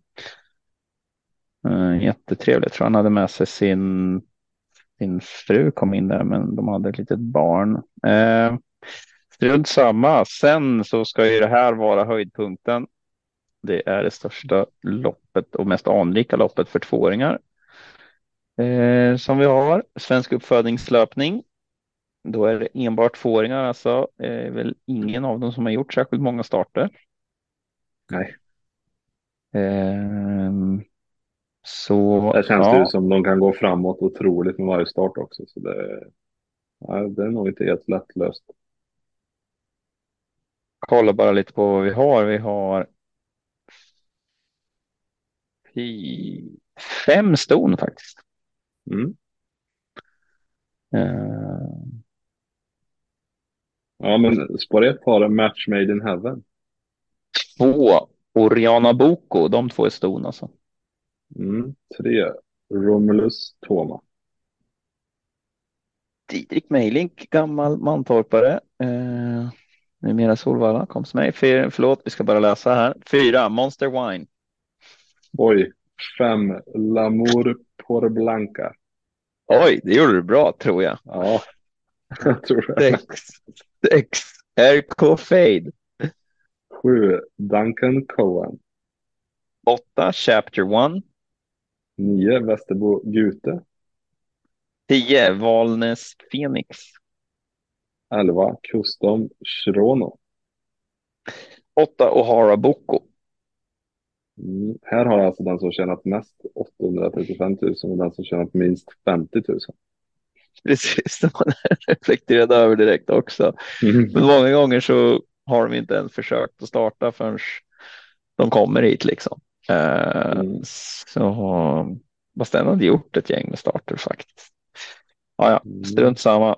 Um, här har man ju inte superkoll, eh, men jag vet ju att Fredrik Wallin är ganska bra med att träna ston och framförallt årgångsston. Så att eh, jag får ändå landa att mitt söndagsstreck är på ett match made in heaven. Mm. Mm. Wallin, Skoglund, match made in heaven. Mm, vann ju ändå svampen. Eh, det är väl, får väl ja, vara ett bra betyg. Som 34 oddsare. Ja, just det. Ja, jag vet inte om jag ska, jag kan inte påstå att jag har eh, koll på någon. Det blir väl tråkigt om jag, eh, om jag, om jag tar samma där, men eh, jag kör väl på en av få vallacker i loppet. Jag tror väl helt enkelt på att min gode vän Didrik Meiling vinner det här med Romulus Toma. Det skulle i alla fall vara jävligt kul. Ja, obesegrad hittills, att om det håller i sig. Ja. Både kul för eh, honom och hans träningsanläggning. Han driver ju Taxinge utanför eh, Stockholm. Uh, jaha. Går vi vidare. Uh, avdelning 5, vad har vi där då? Klass 2. Ja. Kalle Crown är det som sponsrar. Uh, STL klass 2. Jag skulle tro att det är han som avelshingst sponsrar det va? För de har väl inte bara döpt ett lopp efter. Nej, då hade det hetat något sånt. Uh, ja, nummer ett har ett stormål i Vici. Mm, två, Dankos Ossi O. Tre, Killer Bee med Q. Fyra, Fyra, Sober Composite. Fem, Ulla Rolls. Sex, The Lion. Sju, Vermitrax. Åtta, Suddenly Spring. Nio, Credit Young. Tio, That's So Spicy. Elva, Klondike River. 12 Akal Face. Mm -hmm. Ja, vad har du för feeling? Inte mycket feeling du. Ja, jag, jag tror jag har en uh, vinnare här. Hugg då. Ja, 10 Death So Spicy. Han Läderkorpi eh, verkar ju veta vart mållinjen är om man kollar raden. Eh, står också rätt så här bra, hyfsat bra in i det och har tjänat en del från start, vinner ofta. Hanna Läderkorpi är duktig. Eh, så lite där landar mitt första streck. Mm. Det är ju inte direkt ovanligt att eh, Hanna lyckas där heller. Eh, Ja du, jag tror att vi kör så att eh, vi tar eh, Credit Jan har jag följt en del. Eh, såg honom redan som ettåring och tyckte det såg ut som en ganska trevlig häst i alla fall. Det var ingen absolut topp, men syntes att det kunde bli en V75 vinnare det här tycker jag. Så mm. kör en Nuncio. Robert Berg ersätts av Örjan Kihlström. Mm. Eller har Berg valt en annan häst? vet inte, men det, det är ju en, eh, en Örjan och Bike jämfört med Berg och vanlig. Det är ju en eh, intressant ändring. Och ja. med två raka segrar efter lite, lite höstlov, eller vad man ska säga. Mm. Nej, det känns som att uh, det är inget negativt. Nej, det var ju som jag pratade om mycket. Spåret. Pratade jag mycket om i, i, när vi hade en torsdag, för, inte den veckan som var nu utan innan det, att det, det är mycket där nu att börja leta efter de här som eh, kommer in i form och går ur form. Att de här som har fått mm. pausat lite på sensommaren kan vara rätt bra på hösten. Precis. Eh, och de som har haft en jättelång säsong och började i mars-april, att det börjar bli tufft. Så är det ju. Ja, det är nog många som gör mm, ja, att man får, man börjar tänka lite här nu. Ska vi försöka att hålla igång? Det är ändå ganska bra pengar här i december, januari med Winterburst och allt vad det är. Och det är ju så att det är lite lättare motstånd. Mm.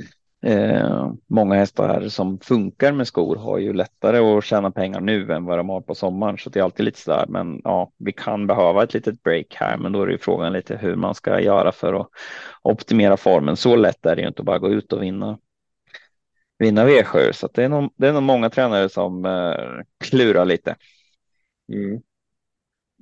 Eh, då är vi, ja det där glömde vi att yra om att det var top 7 loppet och så där. Men eh, Marco var ju inte med idag så att då skiter vi väl i top 7. Då får han yra hemma bäst själv.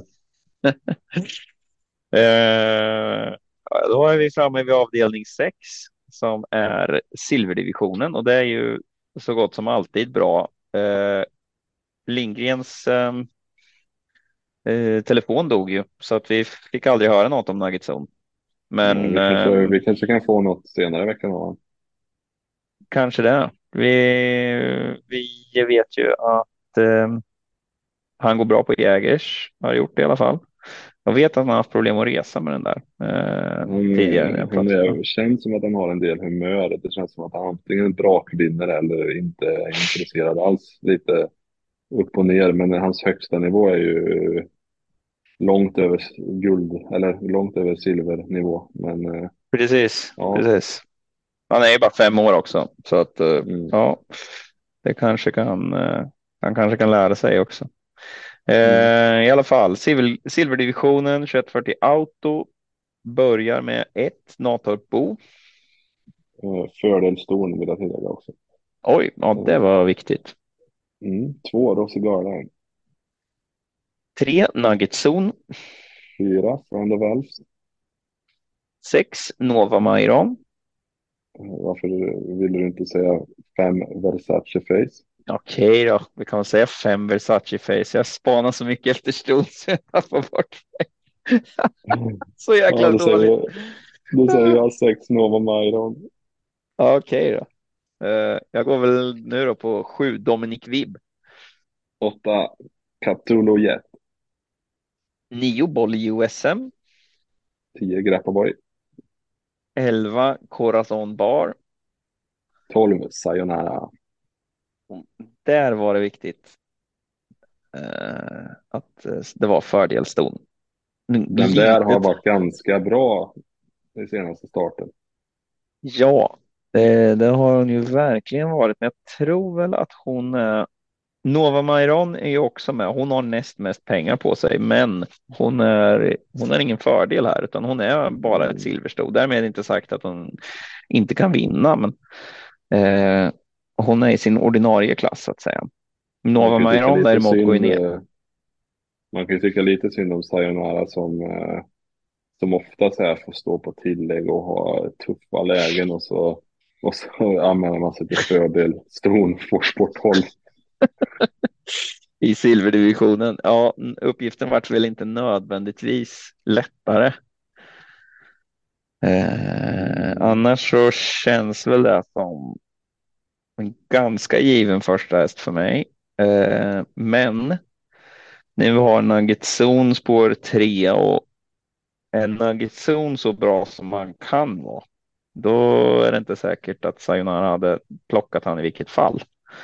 Eh, så mm, sen finns det givetvis fler som är riktigt bra, men eh, jag säger tre Nugget Zone, det är en favorithäst för mig. Mm. Nej, men jag är lite inne på samma spår där, att jag vill ha Sayonara som första reserv, men mitt första streck på söndagen är två Rossi Garline som eh, har varit hur bra som helst det senaste. Blev trea sist, men ja, man gick ut på 640 och sa att ja, han är egentligen bättre på långdistans och, och plocka ner dem.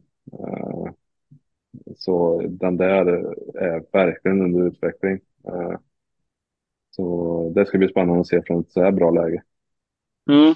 Ja, 1640 vann han från gången innan ska vi tillägga de som mm. inte ser listan. det, var, det, var man, det var man ju lite så här att oj, vann på 2,6 innan. Det här kan nog bli lite svårt. Han är mer stark än snabb. Eh, mm. Vann ändå. Ja. Det krävs ju ofta styrka. Alltså, blir det bara tempo på grejerna så jag tror man är lite låst kanske vid vad hästarna passar. Det är så mycket hur loppen blir, blir mm. körda där. Sen vill jag ändå varna för Natorp med som fick eh, ett snällt lopp senast efter också lite paus som såg fin ut.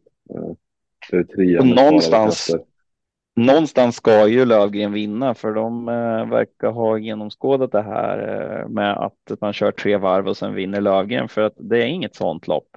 Eh, kan jag nu mm. väldigt väldigt besviket säga för att vi är framme i V75 7 bromsdivisionen som är 2140 auto så att vi får inte njuta av något 3000 meters lopp denna omgång.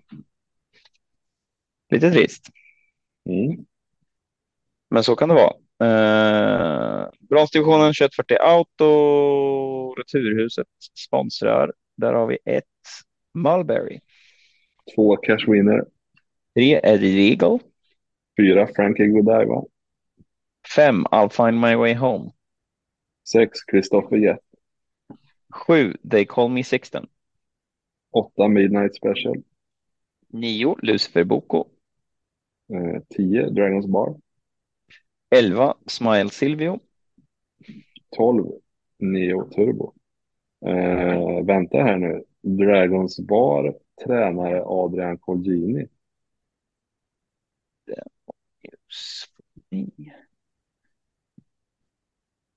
Vad har, vad har jag missat? Startade 30 oktober. Det är ju Gocciadoro-häst. Mm. Spännande. Är Gocciadoro eh, kvar för att stanna för alltid nu i Sverige? Nu är vi långt inne på hösten. Att jag eh, suckade för att det är något fel på Svensk Travsport. Normalt sett kan man gå in där och se historiken. Eh, men de brukar du göra. Du över att eh, Gocciadoro är kvar? Nej, nej, jag var sugen på att få reda på när den flyttade till Adrian. Eh, det kommer man att få reda på i veckan. Eller man kanske bara kan googla för jag misstänker att det är någon nyhet någonstans att eh, den här hästen flyttade dit. Varför, är det alltid, varför gör de alltid underhåll på Svensk Travsport när vi spelar in podd? Mm.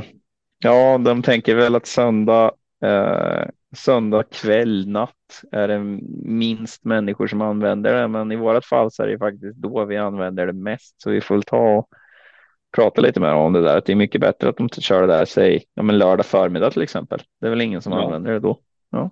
ja. Mycket smidigare. Eh, Ja, han startade i alla fall 30 oktober Eskilstuna med Federico Esposito. Då misstänker jag att, att det var eh, Gocciadore som ja, det var det. tränade. Mm. Eh, ja, det är ju en bra häst. Dante ska köra också. Ännu bättre. Mm. Mm. Ja, jag säger, jag säger inget ont om. Jag säger inget ont om Adrian, men eh, just i det här. Alltså, jag tycker att Dante är väldigt. Jag, jag tycker Dante är bra och eh, om man har en häst som har körts eh, av Gocciadoro innan, då känns det som att då är Dante eh, lite mer som att slänga upp Örjan om man säger. Mm, Kanske kan hitta ett nytt sätt att vinna. Adrian som kör Midnight Special som eh, är väl rätt ny regim från eh, Hapakangas va? Mhm. Eller eh, nu har jag, kan, har jag inte facit här som Svensk Travsport inte funkar men jag, jag vet att den där också är rätt ny i Adrians regi. Man kan ju gå in på senaste start i alla fall. Då körde ju Adrian Mm, då var då det var första tror jag. Ja.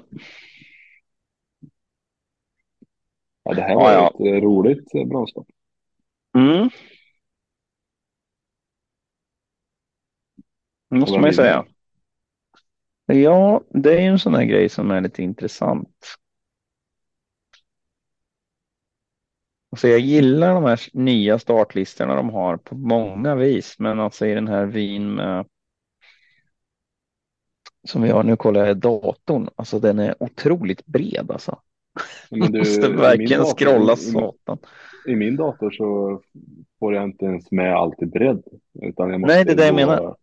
Det, mm. det måste de ju få till att den anpassar sig efter datorns bredd. Ja, och det är många som har nämnt detta. Alltså, nej, det är verkligen den biten är verkligen skitdålig. Men eh, så är det i alla fall. Man får vara lite noggrannare med också vilken ordning man vill ha saker så att man får upp det man verkligen vill ha direkt. Eh, statistikkommentarer som jag egentligen inte bryr mig om har jag till exempel med här, men inte kronor per start som jag verkligen bryr mig om. eh, ja du. Cash ja, jag börjar då. Kanske. Ja, men kör Kör 11 Smile Silvio. Uh, var ruskigt fin på Jägers sist. Uh, och uh, nu toppar man där med en bike. Jag tror man blir svårslagen. Sen så gör det lite ont i hjärtat att jag hoppar av Lucifer Bocco-tåget. Så att där har ju alla andra en fin spik. Kommer jag mm. nog gardera med. För att det är inte kul att hoppa av de där tågen. Nej. 14 starter i år, noll segrar. Då förstår jag att ja, till slut så hoppar du av. No, någon gång så lär ju Lucifer Boko vinna. Där har vi en sån här, ytterligare så här fem år. Ja, nybliven femåring. Det är lite jobbigt att, att ha mycket pengar på sig. Då. Ibland. Eh, nej, men jag tar väl och gör så att jag. Eh, vi kör på Marcus Waldmiller. Han eh, tycker han har visat framfötterna ordentligt. Mm. Fyra Frankie Godiva. Ja, den är ruskigt fin. Ja, och de, ja. Har, de har gått riktigt bra. Eh, Lugauers hästar går ju väldigt bra. Jag misstänker att den här tränas nere på Jägerstock och då är det lite, det är lite jag tror det är liksom olika stall. Jag tror att det är så att Marcus eh, eh, tränar de där i princip efter eget huvud. Men det vet jag inte. Han har ju säkert bra hjälp av Konrad i alla fall. Men det är nog inte så att man bara kan kolla på att Konrads stallform har varit bra när han startar på Eskilstuna. För de här hästarna bor ju nere på Jägers. Jag tror att de gör i alla fall. Ja, men då då? Är vi klara nu då Martin? Ja, ja men nu är jag nöjd. Nu är vi mål. Mm. Ja, jävlar vad bra. Men eh, stort tack till er som har, har lyssnat på mig, Martin och Marcus. Eller dig. Ja, eller mest lyssnat på mig, så brukar det ju vara. Nej, ja, precis. Eller dig som är kvar. Ja, ja. ja. så är jag med. Ja, tack för idag. Tack. På återseende. Ja, tack för idag. Tack. På återseende.